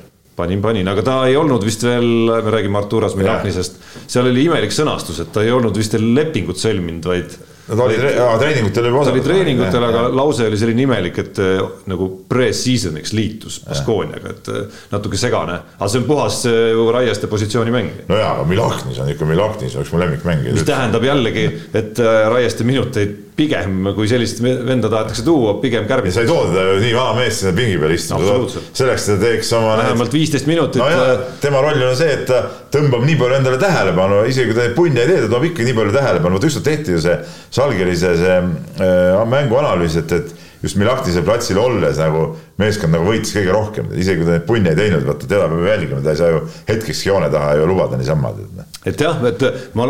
äkki vahele või? nagu kokku, kokkuvõttena, et, et mul on nagu minnes see nende, kes on nagu üle, noh, natuke võib-olla ülepositiivsed ka, et noh, siis, siis ma loodan, et mängijad ise tajuvad, et see hästi positiivne aura, mille nad oma väga võitlusliku mänguga ju välja teenisid ka mingis mõttes ja see, mida Eesti fännid seal korraldasid, olid ju, oli ju super ja tõesti selle koondise ja põlvkonna ümber on ju harukordselt hea aura praegu, kus, kus me tuleme tagasi turniirilt, kus sihuke tõeline triumf jäi toimumata, aga kõik, keda ma tean, kes on sealt tagasi tulnud, tulevad sealt tagasi väga heade emotsioonidega. no tõesti tavalised fännid, nii tavalised fännid kui asjatundjatest fännid on tulnud tagasi sealt äh, tõdemusega, eile alles üks kolleeg tuli, ütles, et kuigi me kaotasime, see Horvaatia mäng oli tõesti üks ägedamaid elamusi, mis ma kunagi üldse saanud olen. et, et, et, et see positiivsus on nüüd selline, mis, mille sisse on kodeeritud siis ootus et nüüd see kolm aastat toimub äh, selline korralik areng edasi. Need ägeda elamuse, ägedaima elamuse jutumehed on vist korvpalli ikkagi liiga vähe jälginud või? ei, see konkreetne inimene on jälginud seda üsna võrdselt meiega huvitav küll kuule, mehed, laske nüüd edasi valke. no ei tea, Peepu tahaks muidugi Nii. natukene kiusata ka, et sinu, sinu, sinu pädevus on ikkagi, tuleb kahtluse alla seada. kus see Serbia on nüüd siis? oota, sa ise nagu ei. kindel meister olema. sa ise ei kiitnud Serbiat või? kiitsin, aga Nii. esimeseks ei pannud. no okei okay aga ma vähemalt ei teinud niisugust eh, rumalat kihvledu nagu, eh, nagu eh, Andres Sõber, kes nüüd eile temaga rääkisin ja otsis, otsis juba mütsi välja, et kiilakana ringi käia. No. aga kas minu, lisaks peab veel ütlema tagantjärele targana, et kas mitte minu enda kahtlus ei saanudki saatuslikuks, ehk et vanahärra Pesic kes, kes jättis Nikola Jokic'i, ütleme, Sabonise ja Valanciunase vahel on veel nagu vastuargumente päris palju, aga. aga Jokic nii kaua, ma vaatasin seda mängu ka, mina küll nagu ei tajunud, et ta nii kaua, võib-olla mingi minut varem oleks võinud tagasi tulla. mis Jokic peaks nelikümmend minutit mängima või? no kui ikka surm on silme ees turniiril Serbial, siis. no kuule, äh, neil oli Milutinov seal selle koha peal ju. no kes ei olnud eriti hea, olgem ausad no,. väga hea ei olnud jaa, aga noh, ütleme nüüd see Äh, ma arvan, nüüd see seda mängu ei otsustanud, et see Jokic, no võib-olla tõesti minut varem oleks võinud tagasi tulla, mitte, mitte rohkem, sest et ega ta ei ole ju, ükski mängija ei ole mänginud üle kolmekümne minuti, noh. et, et aga tervikuna Pessits, noh, mis ta on, seitsekümmend kolm või? noh, ma ei tea, Ivkovitš oli ka samas, samas vanuses, oli vist Euroliiga treener, kui ma õigesti mäletan, Anatolia Efesis või? noh, eks ta ole natuke võib-olla see lupp. pane Jaanile, pane Jaanile kümpa juurde veel. jah. no Jaanil on praegu juba see level käes. seda ma mõtlengi et no mõtlemegi nii, et sihuke mees nagu Jaan, noh, noh. Jaan pluss kümme. ei, ei, Jaan on praegu juba sellel tasemel, ma räägin. ei no jaa, aga kogemusi on. aa, okei okay nojah, nii on. no Jokic'i väljakul olles kakskümmend kaheksa minutit oli Serbia üheteistkümnega plussis igatahes. nojah, aga sai, ta, ta pidi talle mingi hetk puhkust andma, võib-olla tõesti natuke nii, ma ütlen, võib-olla minut, poolteist varem oleks võinud tagasi tuua. aga minu arust ta istus ka tükk aega seal pingi peal tagasi tulekusse, seal mängija jäänud seisma ka. seal tekib mõnikord, sa tood mängija ja mäng mõnikord rullib ju kaks, kaks, kaks pool minutit järjest mitte midagi ei juhtu, no see mäng seisma ei jää, no mis sa siis teed. lased veameelega teha, et kuidas vahetuse teha. võtad tehnilise ise. noh, see Itaalia treener, see oli muidugi, see oli üks ma muidugi Tarmot natuke sarjasin ka. no Peebul, Peebul hakkas mängu ajal hakkas selline treeneri au, treeneri au hakkas äkitselt äh, närima. saatis mulle sõnumi, et jäta see treeneri, treener rahule nüüd. rappimine. rappimine lausa jah, rappimist ei olnud, lihtsalt väike tõdemus, et äkki võiks väljakul püsida. pärast ma lugesin lugesin Twitterist ühe Horvaatia mängumehe, sa, sa nägid seda jah, kommentaari, mis väitis siis, et kahe hooaja jooksul Sassaris juhtus seda, ei juhtus seda kaheksa korda, alati oli seesama abitreener, kes võttis üle ja kõik korrad võitis. et see täitsa töötab, ühesõnaga. aga see on nagu mingi show mees. Kas sul on ka strateegia välja töötatud juba? Ma ei, et meelega teenisin. mis olukordades küll. hakata võtma neid, eh, kui kaugele ei, minna, kas, kas mingil hetkel. meelega teenisin võtnud küll. kas mingil hetkel. ära sattunud ennast küll meelega ei ole. ja meelega ei ole, kusjuures. ära mind ikka saatma. ja, ja, aga meelega ei ole. meelega ei ole, ei. aga tehniliselt. sel aastal, kui, mis sa arvad, Jaan, kas tuleb mõni eemaldamine ka? ikka tuleb. ikka tuleb. on pinged palju suuremad ja, ja noh nojah, arvestades no, tuleb teha. arvestades Eesti kohtunike värki ka, tead noh, ega siin tead noh, head nahka ei ole. vot nii. laseme kõlli. laseme. no nii, jõudsime kiire vahemängu juurde, proovime tõesti kiiresti teha. keegi Leonid Latsepov jooksis Tallinna maratonil kiirema aja, mis, äh, mille Eesti sportlane elus Eesti pinnal on jooksnud, kaks kaheksateist viiskümmend ja tõesti keegi, äh, keegi Leonid Latsepov, sellepärast et noh, ei olnud me temast ikkagi keegi midagi kuulnud ja ja niisugune kummaline, kummaline vend, et teeb nagu teadustööd ja ja, ja on noh, nagu fanaatiline nii-öelda isejooksja ja, ja, ja kõik, aga noor mees, mis ta oli, kakskümmend neli on ju. ja, ja kui juba nii noorelt seda maratoni sedavõrd hästi jookseb, et no siis minu meelest ta võiks ikkagi sellele alale küll nüüd panustada. noh, vähekene rohkem. ma arvan ka, et võiks panustada jah, et, et ütleme, ega need võib-olla need tingimused ju noh, ilm oli küll okei okay,, aga võib-olla natuke jahe ja ütleme, ei olnud maratoni jaoks võib-olla absoluutselt sada protsenti ideaalne, eks ole, ja, ja kui sa siin jooksid siukse aja, no kindlasti võiks võiks selle peale panustada, et äh, maraton ei ole väga noorte meeste ala, see on ka nagu fakt, et et seal ikkagi seedad nagu kogemust ja seda suuremat baasi ja ja, ja jah, ütleme no, tuleks nüüd äh, vaadata, mismoodi neid treeninguid teha ja kas meil enda motivatsiooni on nagu seda seda niimoodi no väidetavalt ise, ise ütles, et on, tahab äh, Los Angelese olümpiale pääseda. minu, äh, minu meelest esimene asi oleks mees kohe äh, aparaatide alla panna nii-öelda, teha, teha temalt täielikult testid ära, et no, vaadata. mis tal see potentsiaal üldse on, eks ole, tahvlike tarbimised ja need kõik asjad, jah ja. ja.. vahetame teemat, Jüri Vips sai Monsas hooaja esimese sõiduvõidu päev hiljem küll põhisõit läks untsu, tegi seal ühe valusa vea ka aga, aga mis puudutab sõiduvõitu, siis tuleb vist uuesti tõdeda, et liiga hilja. ja no Jaanikene. no mis Jaanikene, mis sinu see, see Jaan ei jõudnud öeldagi midagi. aasta kõige, kõige rumalama kommentaari tiitli saab ju see sinu see Vipsi teemaline kommentaar, milline? no see, mis sa kirjutasid, et et ise, et oli vormel üks võimalus, aga ise andis need võimalused käest ära. ei no aga andiski no kes siis veel andis? kes see sõitis seina? kes siis äh, sõitis seina? no mis mõttes ise andis, noh. ise sõitis. tema level järelikult oligi selline, kas saad aru sellest? ei no jaa, aga ma veel kord. level ongi selline, ei, ei, midagi, ise andsid ära no.. sina andsid ka ise ära käest selle, et äh, sinust ei tulnud peaministrit, noh. sa ei saanud hakkama lihtsalt, noh niimoodi võib igaühe kohta ütelda. ja, ja aga, aga muide, mis, mis nüüd konkreetne küsimus, et kas oli liiga hilja, siis oligi hilja, sellepärast et äh, kõige valusam oli ju see, et, et enne sõitu andis äh, Red Bulli siis sõitjate eest vastutav diktaator Helmut Marko andis teada, et mikspärast ta ajab mm, taga seda äh, ameeriklast, mis oli Herta, eks vist. et, et miks ta tahab ameeriklast tuua, ütles, et ükski äh, vormel kahes sõitnud Red Bulli mees ei ole muljet tänavu avaldanud.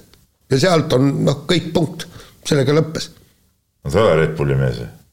ei, ei no ta ikkagi hooaja alguses oli ja, ja. aga ongi nii, et ükski ja... Red Bulli mees ei ole, aga ütleme Vips, kes nagu. ei no, ei, no tuleb tõdeda ikkagi Peep, olgu sina, Jüri Vips ise või Helmut Marko, et, et ei olegi muljet avaldanud. No väga ei ole jah, et, et noh jah, paraku nii on, et, et mina arvan, et võib-olla see ongi tema tase, no et ega siis, ega me ei saa ju eeldada, et, et okei okay,, ta astus ilusti, jõudis vormel kahte välja, aga eh, mitu meest üldse maailmas suudavad siis see sammu edasi teha, noh. et, et eh, see eeldab ju mingit juba omaette nagu geniaalsust, eks ole. no et, just, või meeletut rahakotti. ta on super hea võidusõitja, järelikult ta ei ole geenius lihtsalt, noh, ongi kõik, noh. et võib-olla, võib-olla ta suure tööga suudab seal kuskil, noh, okei okay,, see vormel ühte saab seal mõnes teises vormelisarjas on see vormel E või, või kuskil, ma ei lõpuks kas või kereautodes saab ennast ilusti ära elatada selle võidusõiduga ja on, on kõva vend, aga, aga aga no vormel üks võib-olla siis jääbki unistuseks, ega me ei tea seda. võib-olla ei jää noh, võib-olla avaneb sealt kuskilt veel äh, mingi võimalus. Noh. ja, ja tegelikult tuleb ju vaadata see, seda, et, et tegelikult seda autovõitlusõitu on maailmas ikka väga kõvasti, eks. noh, kõik see Ameerikat. Äh, rõhutanud seda, et et mida nagu Vipsi puhul ka vaadati ikkagi neid äh, kvalifikatsioonisõite ja neid üksiku ringi läbimisi, mis olid tegelikult ju head, eks ole, noh. Noh, seal ongi nagu aga, see küsimus. aga seal on kogu selle massi peale, keegi ei lähe ju sõitma mingisugust vorme, vormelit või isegi karti lootuseta et äkki õnnestub mul vormel ühte minna. ja aga tegelikult on see, sinna mahub ju ainult kakskümmend meest ja kellest pooled on taadid.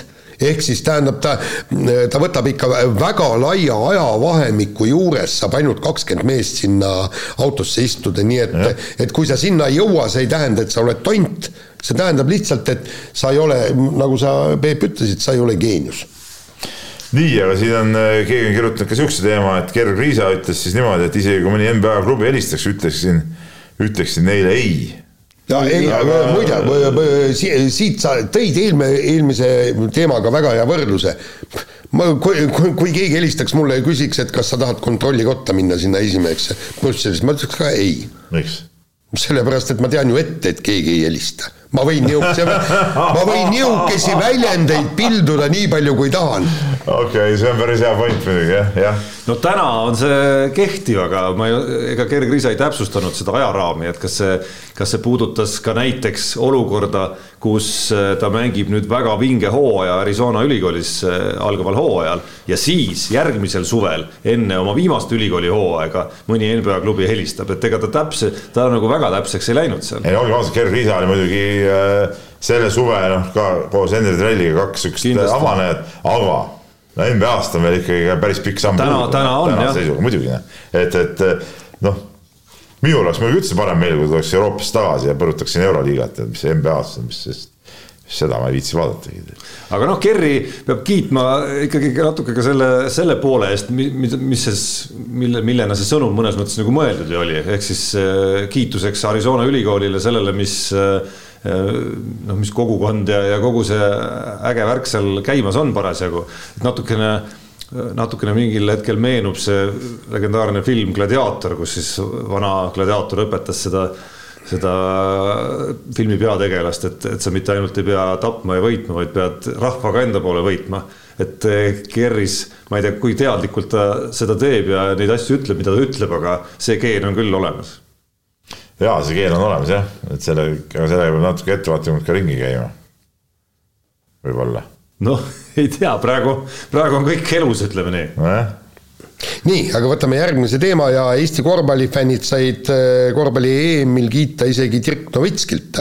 ei, mul on Eesti korvpallifännidel hea meel, aga mul oleks veel parem meel olnud, kui Eesti korvpallil oleks Dirk Novitskilt kiita saanud, et see fännide kiitmine, noh, keetame õlgu, et tore on väga hea point ja no vaadates noh, kiita, kiitmiseks on ju põhjust, et vaadates neid erinevaid aurasid ja atmosfääre, mis erinevates gruppides siis toimus Euroopa meistrivõistluste finaalturniiril, siis, siis mõnes mõttes Eesti fännid päästsid kogu selle Milano ürituse ju, ju ära ikkagi sa mõtled Eesti jaoks või? ei, mitte Eesti jaoks, vaid ka üldpildi jaoks, et, et Itaalia. mis sa nüüd räägid? ei, ei, kui sa Itaalia mängud nüüd välja arvad. no Kreeka fännid olid ka ikka päris korralikud. kui palju neid oli seal? No vähem, ei muidugi mitte nii palju, sees suutsid nad teha vähemalt sama kõva häält kui, kui mõni tuhat eestlast, aga minu jaoks selle EM-i kõige vaieldamatult kõige vägevam elamus oligi Kreeka-Itaalia mäng, noh, see oli ikka just selle fänni, just selle, ma mõtlengi, noh, selle atmosfääri mõttes, see oli ikkagi noh, nagu mul sõber Madis Kalvet ütleb, see gigantiš, noh, jah, nii on see oli ikka vä- vägev, noh, ma ütlesin sulle kevadel, see sarnas natuke sellele, mis me Türgis sinuga kaks tuhat üks kogesime, et see oli ikka vinge. ja see, mis puudutab veel fändust, ei muidugi Eesti fännid olid ägedad, siin pole midagi ütelda, aga on ka päris palju nagu üle võtta, et, et mis nagu Itaalias ja nendes fännides nagu veel, veel nagu rohkem on, kuidas eh, nad igat eh, mängijat, kes ütleme seal poolteist tundi enne mängu tuli platsi peale viskama, igat mängijat individuaalselt seal tervitati, igast õiked värgid seal, noh, seal mõnele mehele lauldi mingeid laulukesi, läksid ära ükshaaval jälle sihuke asiotaaž nende ümber kõik, mida meil nagu veel ei ja et ole. Hispaanias, Itaalias on jah, sellist, kuidas öelda, positiivset ühistegevust hästi palju isegi, isegi see oli, mul hakkas silma, eelmine päev olid nad Ukraina käest tappa saanud ja järgmine päev oli neil äh, mäng ja siis oli täpselt see, kuidas äh, tulid sinna ja vennad olid ikkagi nagu täiesti, publik oli juba, seal tuli varem saali, eks ole. Möll juba käis, vennad, vennad tulid sisse seal ükshaaval, no nagu ikka tulevad, jalutavad sinna sisse-välja vahepeal. Kogu aeg, kogu aeg nagu neid toetati ja see, kuidas ütleme, meeskonna tutvustamise ajal neid mängijate nimesid hüüti kõik kooris ja ütleme see, ütleme, see on veel ikkagi hoopis teine level võrreldes, võrreldes sellega, mis me, mis me siin näeme, mul on muidugi üks, mul on muidugi üks küsimus, oota, mul on üks küsimus muidugi veel.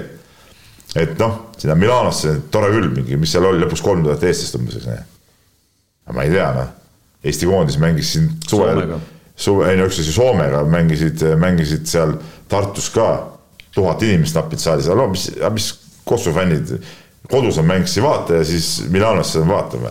olete ikka päris fännid või, mis asi on meil? see Soome mäng, kusjuures jäi, jäi isegi rohkem natukene hingele, et okei okay,, suvi, Tartu, kuigi see ka väga imelik, Tartus Ei, peaks Kossu fänne olema päris kõvasti noh?, aga Saku Suurhalli me ei saa, kurat, Milanosse sõidate, kodus ei saa vaadata, mis te nalja teete või? Mis fännlus see selline on, tead näe? aga tulles veel korra selle kaasaelamise mõtte juurde, kus, kus tõesti Itaalias ja Hispaanias eriti on tunda sellist, kuidas öelda, posi-, ma nimetaks eks me koos oleme sinuga näinud ka nimetaks jah sellist äh, selle noh, Baskonia vanasti taukeraamik, mäletad, kui Jaa, jaa. Moskvas olime, neil oli omad Ei, ei, see on neil igal pool. ma räägin Ja igal pool, et siis me nagu nägime nagu oma silmaga seda. just sihuke positiivne, sihuke positiivne ühistegevus, ütleme. noh, teine variant on siis äh, liikuda sellisesse lõunamaaliku agressiivsemasse äärmusesse, kus, kus lihtsalt sa suudad, kus no Türgi, Kreeka ja, ja Serbia fännid suudavad ju ujumismütsiga vend, keda nüüd ma nägin telekast ka, eks see oli seal ka kohal ju. Palja ülakeha ujumismütsiga, minu arust Seljamaa saja oli seljaga sa- saali suunas et. need suudavad ju tekitada isegi viiesajakesi kuskil kümnetuhandeses saalis, suudavad tekitada tunde, nagu seal oleks kümme korda rohkem inimesi. lihtsalt sellise nagu hästi vaenuliku valjususega, ütleme nii. ja, ja muidugi. Vahetame teemat. Eesti endiste jalgpallimeeste Jevgeni Novikovi ja Andrei Stepanovi agentuur, mängijaid vahendav agentuur pääses uudistesse siis sellega, et, et tundub, et sõjast hoolimata Venemaa klubidega töö käib aktiivselt koos endiselt. vahendasid nad norralase Mattias Normanni Rostovi klubisse, mis maksis siis Normannile lõpuks koha Norra koondises. ehk ei näe meie, meie jalgpalli kuulsused probleemi. mul on, koos kõrval nüüd äh, teine küsimus. Aga kui okei okay,, tervikuna ma olen nõus sellega, venelastega ei peaks äh, suurt äri praegu ajama, kõik on nagu õige, aga no toome siis välja, kui palju siis tegelikult Eesti ettevõtted Venemaaga äri ajavad praegu, et kui me nüüd see vahest Stepanovit ja probleem. rapime ja tuuaksegi vaikselt kogu aeg ei no need mingid mõned nimekirjad, mis siin on olnud, see on ju kukesupp.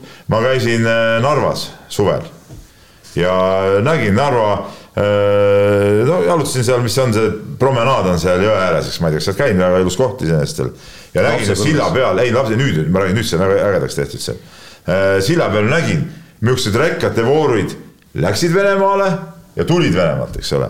järelikult ju äh, kui me ütleme, et neid jalgpallureid nüüd ei tohi sinna mingil juhul nagu äh, saata, mis on nagu okei okay., aga siis lõpetame üldse kõik, lõikame üldse läbi kõik, kõik ühtegi autot, müürime kinni selle silla ja kõik, ühtegi autot, ühtegi inimest, keegi sinna ei liigu. kui me seda ei tee, siis ma ütlen, see on silmakirjalik, et need mehed saavad nüüd siin mingit sahmakat kaela. see ei tähenda, et nad ei võiks sahmakat kaela saada, aga üldjoontes nõus jah. noh. ja mina ütlen ka muidugi, lõikame läbi siis noh, mis küsimus on. ei, mina või? sina ikka, nädal Keilas rubriik ootab meid. no seda sa ei saa ise sisse juhatada, Peep loomulikult, siin oli aga keegi, Kevar Palumets oli meil veel teemaks, ma ei tea. jah, aa, mul on endal vana versioon, no õige. jah., et üheksateist aastane Kevar Palumets äh, siirdus siis Paide linnameeskonnast Belgia kõrgliigasse, tegi kohe ka debüüdi ja see on tõstatanud üles küsimuse, et kas me ei oska siin ise oma liigas äh, häid mehi hinnata, eks ole. Palumets sai hinnatud küll siin kasvõi ägedate eurosarja mängude ajal. ei no seda küll, aga, aga Ma ei tea, ma olen näinud Eesti koondises möllab just täpselt, Eesti koondises ei ole, tähendab aga pole ka ju, millal Eesti koondis mängis viimati? Ei no kuule, mis, mis mõttes. ei, ei, ma mõtlen konkreetselt minu silma ja ma olen nüüd üsna jalgpalli kauge, jõudis ta nende Paide eurosarja mängudega.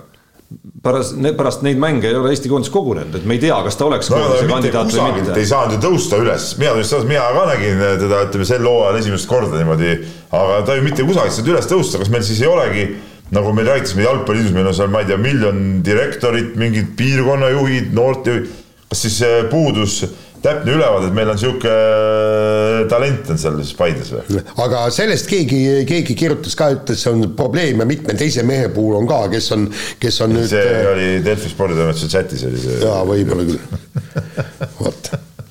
nii, aga nüüd oleme oma, oma nüüd juba väga, väga kindla püsirubriigi Nädal Keilas juures ja peab vist ütlema, et aasta parima ü- ülemineku ja mänedžeri tiitel on vist jagatud juba enne, kui hooaeg ametlikult lahti läheb.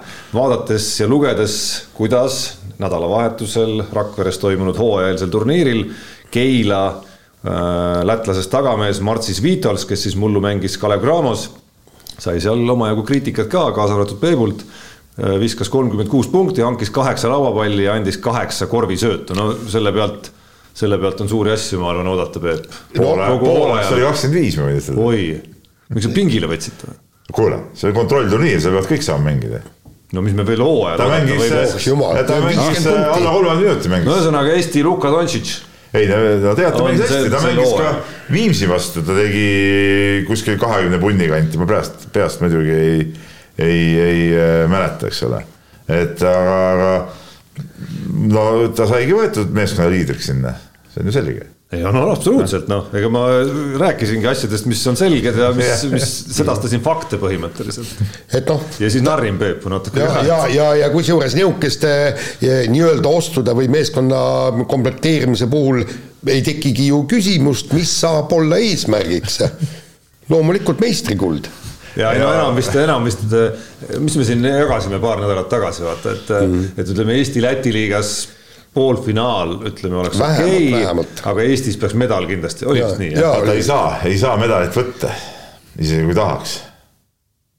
vaata lepingus on need boonused, ma ei- pärast ei jaksa maksta seda, ma tean, John oli Pärnu firmist hädas nendega, ma ei hakanud sihukest vaeva peale võtma.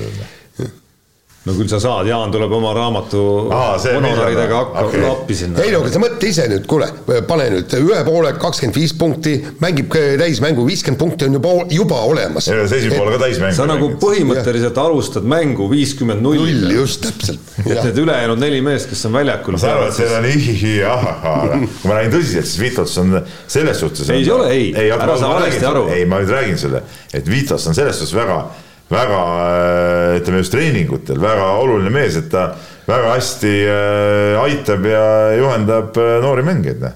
sellest väga, väga suur abi on temast, noh siin tõsiselt rääkides polegi mingid ihihiid ja ahahhaad Jah.. selles, et Vitols võiks olla Keila särgis väga hea leid, olin ma kindel juba sel hetkel, kui see uudis tuli, nüüd tõsiselt rääkides. aga noh, väike kiusamisnurk peab siin saates ikkagi olema, kus Peebul aidata, ütleme siis nagu sihti silme ees hoida õigetel kõrgustel ja, ja ma usun, et lõpuks tänad meid hooaja lõpus. selle, selle peale ütleme ühisest sõbrast peatoimetaja soomlane, et see on töökius. ei, mis, aga me mis ma valmis, arvan, on, kulub, kulubki ära ju. ei no aga me valmistame sind ette tuleviku karjääriks, ütleme niimoodi, praegu on Keila, võib-olla Keila kohalik leht võib-olla hakkab kritiseerima. Nagu mentorid. ja ei, no just täpselt, et, et ta oskaks taluda kriitikat. jah, see on nagu iganädalane nüüd sel hooajal iganädalane arenguvestlus sul nagu peatreenerina Jah. saab siin meie saates ja, ja, ja sa Peep nüüd ise mõtle, eks, et sinust saab Eesti koondise peatreener ja sealt ju hakkab tuppa tulema, nii kui sa kohe mingisuguse mängu kaotad.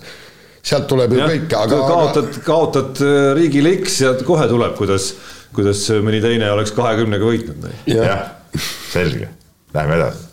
nii, aga laseme kõlli.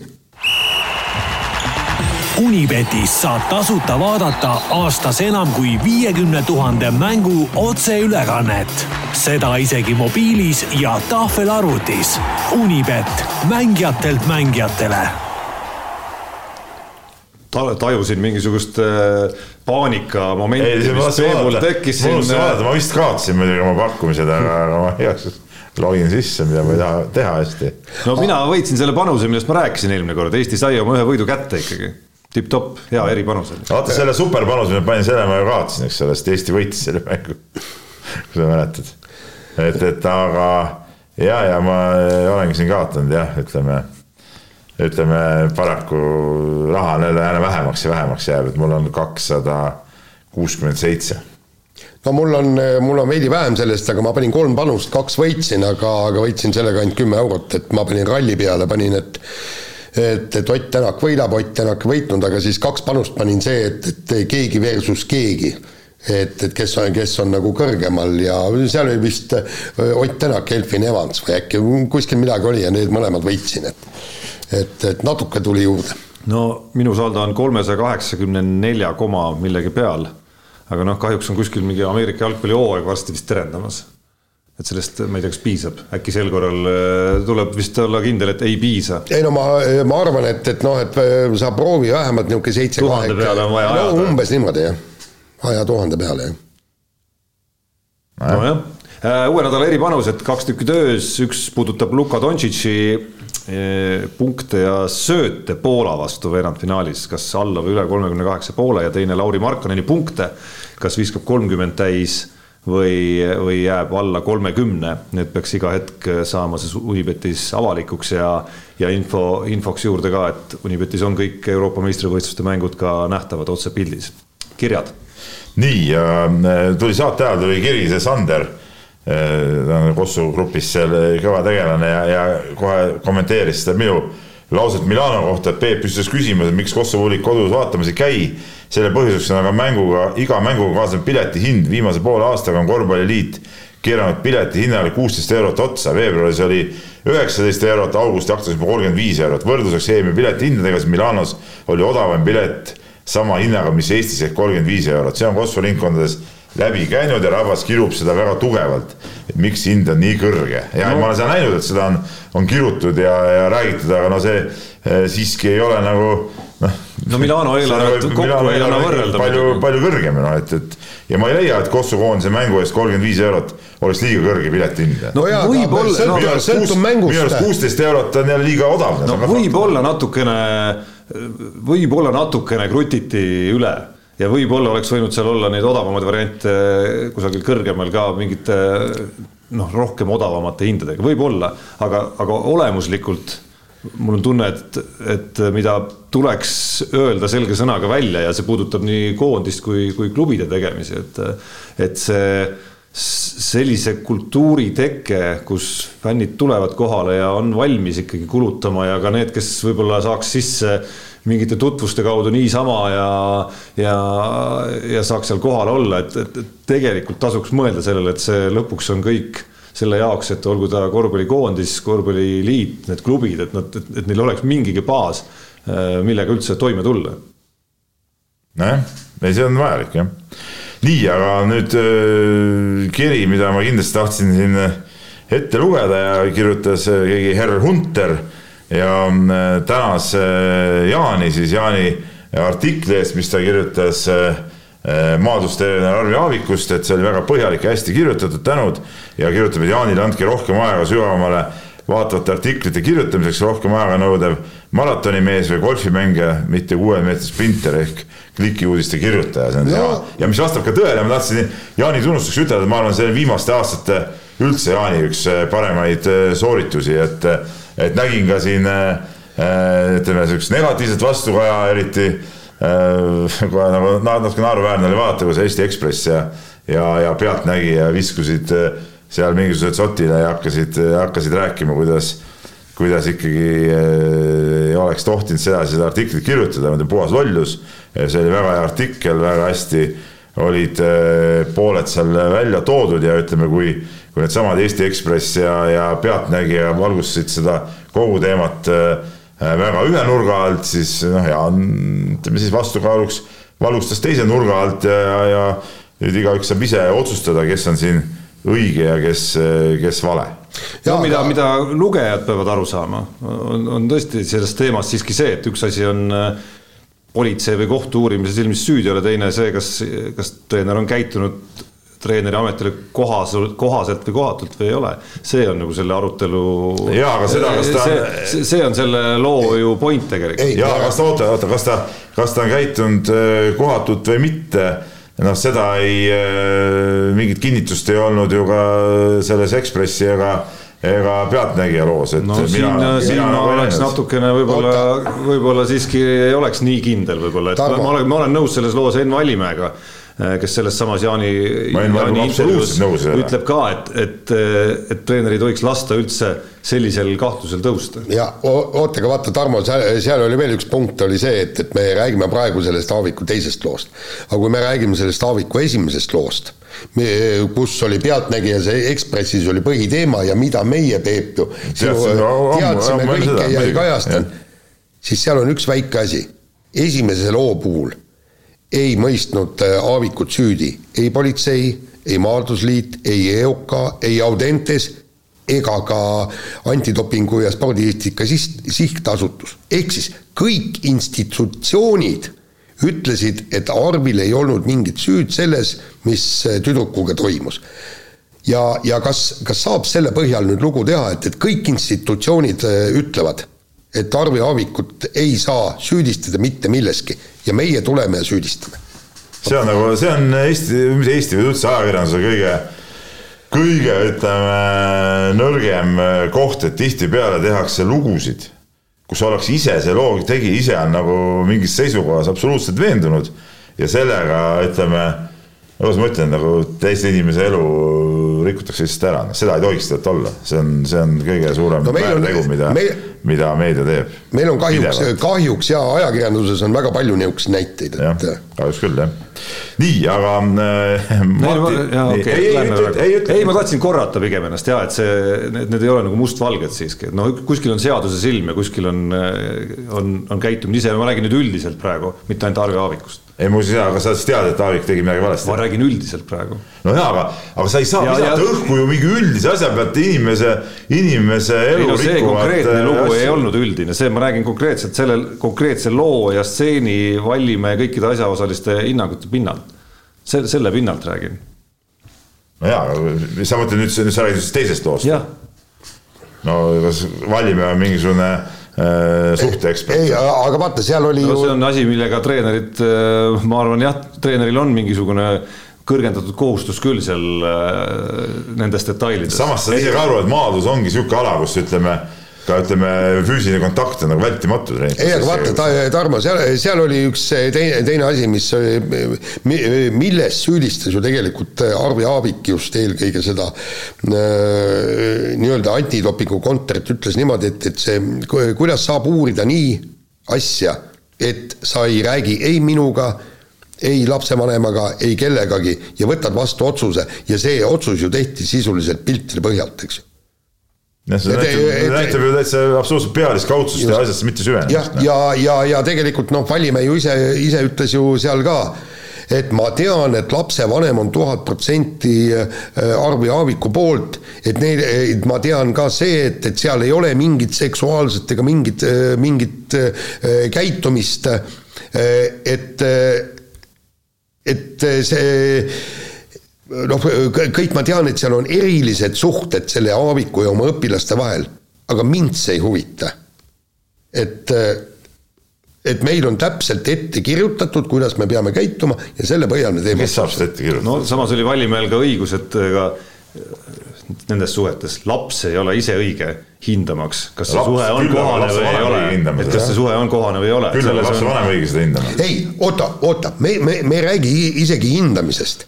me ei räägi siin äh, isegi hindamisest, me räägime seda, kui sa viid läbi. see oli lihtsalt, see oli lihtsalt Aaviku enda üks väide, et lapse jaoks on kõik okei okay.. ei see, jaa, lapsevanema jaoks see oli ka kõik okei okay.. see vanemaga ma olen nõus. jah, ei, aga see ei olnud Aaviku väide, see, see oli äh, minu küsimus, et, et miks ja küsimus oli see, et miks ei küsitud ega uuritud. vaata, kui sa viid läbi uurimise, mis suhted sul on. Ja, ja, ja politsei uuris ka ju tüdrukut et kas neil on, millised suhted neil on, samamoodi tegid psühholoogid, mille Audentes tellis psühholoogi ette, uuriks, millised on suhted ja, ja mis toimub selle Aaviku treeningkopis, seal ju küsiti tüdrukuid seal ju küsitleti tüdrukut, politsei uuris tüdrukut ja kui sa viid läbi uurimise, uurimine tähendab seda, et sa vaatad pilti ja lähed ja ütled midagi. see tähendab seda, et, et sa pead tõesti uurima, mis seal suhted on ja mis seal, mis seal tegelikult taga on. veel kirju. ja kirju on veel ja Ott kirjutab, et äh, Peep on meile aastate jooksul õpetanud, kuidas käituda jaanipäeval või aastavahetusel. lisaks, milline peab olema liha küpsetamist äh, tase ja nii edasi, nii edasi. kas saaks jagada kuulajatele ka palun soovitusi, millist kohvi ja kuidas on õige juua? no see, no. see on elementaarne, sa pead midagi soovitama, loomulikult mustalt ilma suhkruta, noh. ja ei, see on esimene ja tegelikult tuleb juua päti kohvi, mis on kõige maitsvam. ei, siin ma olen natuke teistpidi, mulle see päti kohvi ei meeldi tegelikult. Mina nagu põhimõtteline vanakooli filtri eh, kohvimasina mees. vesi sisse, kohv filtrisse ja tilgub sealt läbi, väga hea. ei ole neid Eh, peeni vidinaid, eh, noh tead, ma olen koju mõelnud osta muidugi, aga noh. ma ei ole näinud, et sa töö juures, töö juures ignoreerid seda kohvimasinat. ma töö juures üldse kohvi ei joo. kindel? absoluutselt kindel. ma olin töö juures kohvi võib-olla viimati mingi kolm aastat tagasi, ma olen töö juures teed hoopis päeval aga, aga kohvi ma ei joo. aga hommikuti ma seda loomulikult ja ka, ja ka õhtuti näiteks mind nagu see, see mingi segane jutt, et oi, joon õhtul kohvi, siis magama jääda, mis, mis jura mingisugune. ei, absoluutselt, kohvi paneb väga hästi magama. kui mul on ikka mingi, ütleme, meil on niisugune istumine, napsulauad, värgid, siis ikka lõpetuseks ju tuleb, eks ole, maius ja vana Tallinn ja sinna kõrvale ka kohvi, ikka kaks-kolm tassi kohvi ikka läheb, ütleme seal ära ja lähen koju.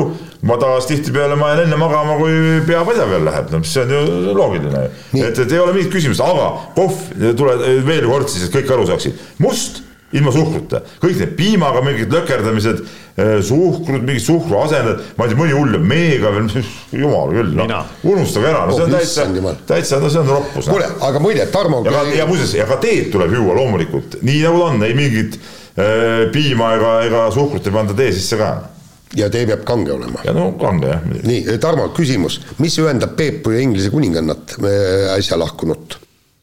no kindlasti on äh, palju asju, ma arvan. ei, aga, aga üks kulinaarne asi. ei tea. Äh, sa ei ole lugenud? Äh, Inglise kuninganna sõi alati täisküpsenud liha. normaalne inimene. tema, tema steiki to-, tohtinud olla. eks ta ongi nagu, eks ta ongi ju ikkagi nagu väga selgelt eelmise, eelmise sajandi inimene ka. ei äkki sa, sa vaatad jälle, vaata, vaata Peep, kus igaüks vaatab oma, oma nurgast aga äkki. kahju, kahju tagantjärele natukene kuningannast, et oli. ta, et ta oma maitsemeelt rohkem Kule. ei arendanud elu jooksul, kuigi tal olid kõik võimalused äh, parimate kokkade loomingut no, nautida terve parim. elu. saad aru, see ongi parim. ei ole, saad aru, sul on sellised võimalused ei. käes, sellised privileegid ja siis sa sööd seda well done liha terve elu. Jaan, see on kuritegu ju kuritegu on see, et sa pole proovinudki seda. miks ei ole, lapsepõlves kogu aeg muud ei saanud. aga mis sa siis, mis sellest üle tõmbasid lapsepõlves? mina lapsepõlves ma ei teinud ise süüa koolis, läksid kooli ja läksid kooli koka juurde, ütlesid, kuule. mis liha, mis, mis. paluks, paluksin mis küpsa liha sulle sa koolis anti? paluks meediumit. Läksid kooli koka juurde. oli pekikaste. no seda ma räägingi, no seal sul ei olnud valida, täiskasvanuks saades tekib sul võimalus ise hakata.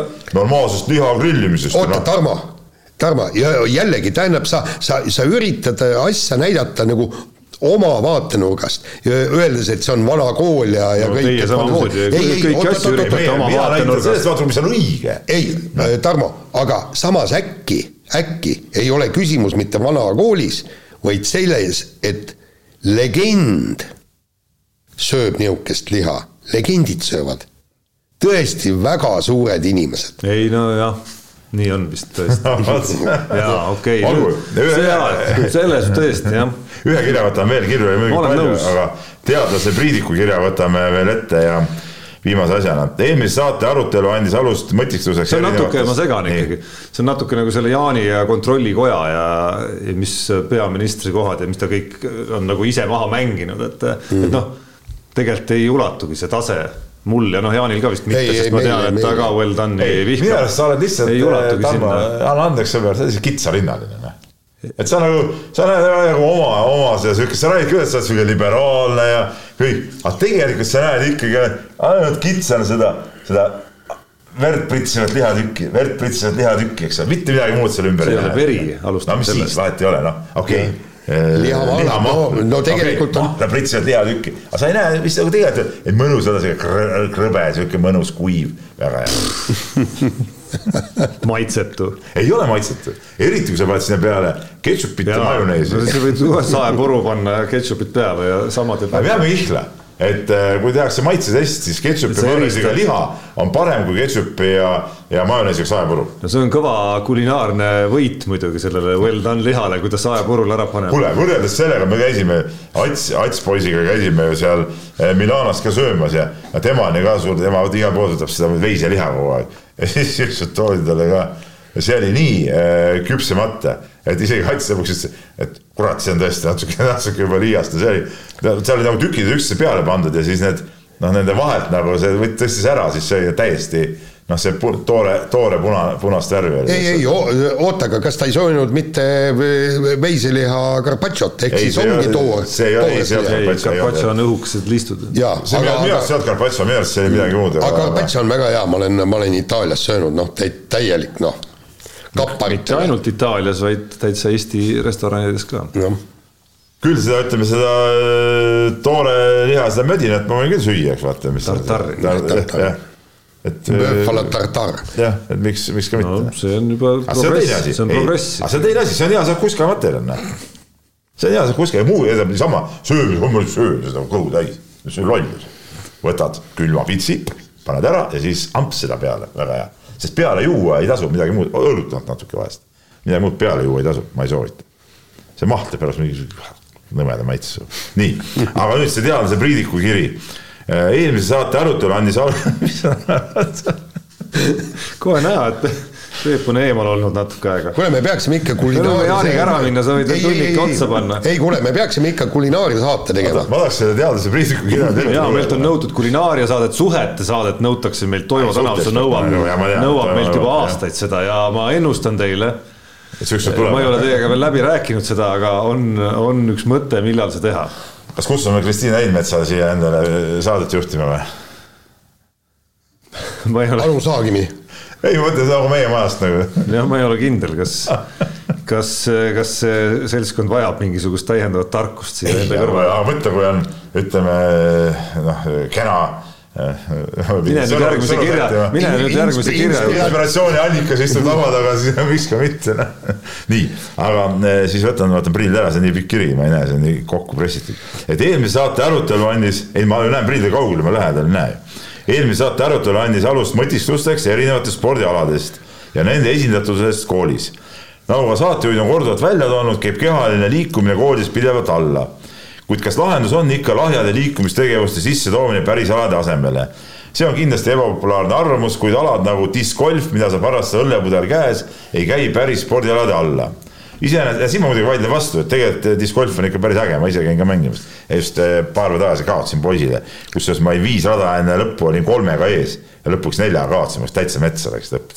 nii, aga see selleks. laskmine ei ole ka sport. iseenesest ei ole eh, selle harrastamisest, harrastamisel midagi viga, kui ta on ekslik lahterdada seda tegevusgruppi, mille aura on loonud kümnevõistlus, maratonijooks ja odav ise, no sellega peab nõus olema muidugi. nagu ka näiteks kepikõnd, mida on küll promoti üsna aktiivselt, kuid alternatiivi jooksule, kuid mille koormus on nii väike, et sellega ei kaasne jooksmisega seotud positiivseid efekte. aga see on jälle vale muidugi. see on ka vale ja ma olen alles hiljuti äh, käinud, käinud ühe Eesti tipp äh, kepikõndjaga. on ortopeed ortopeedi juures, kes äh, ja, ja ei rääkinud seda ainult nüüd ma ei tea, nelikümmend pluss äh, inimese vaatevinklist, vastupidi, kiitis taevani äh, kepikõnni efekti kogu keha, no okei okay,, ta ei anna muidugi sellist äh, mingit vastupidavuse teemat aga mina ja, ma käin kogu aeg kõndimas, ma, ma olen ilma keppideta, mul käed käivad niimoodi kogu aeg, saab ka väga hea. Ja, ja just- muuseas, ja muuseas kaloreid kulub väga kõvasti sellega. paned üks tund kakskümmend onju ja kul- kaloreid läheb no teine asi, mida tema kiitis, oli see mitmekülgsus, kui paljudele kehaosadele see mõjub. Jah, aga oota, mul kiri pole lõpuni veel.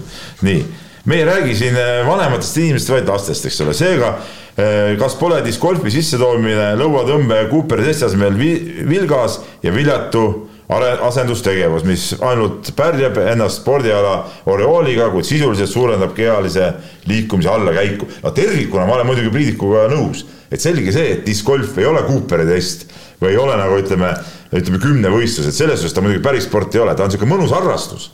Ja okei okay,, tipptasemel muidugi ka peenmäng, eks ole, meil on maailmameister, väga, väga vägev, aga, aga kui me nüüd räägime, ütleme koolispordist, siis äh, seal ikkagi Cooperi testid ja need on olulisemad, see on nagu, see on nagu fakt, et ütleme, see ei asenda äh, Cooperi testi, see on nagu selgeks ei, selge küll, aga see võimaldab öö, lapsed tuua välja ja panna kas või mingilgi üldse määral jah, ja mingilgi määral liikuma ja tekitada neis põnevust, et nad saaksid aru, et tegelikult on võistlemine ja tähendab, kas või võistlemine iseendaga, et, et kuidas mul see rada läbi tuleb ja kõik, et see on äge.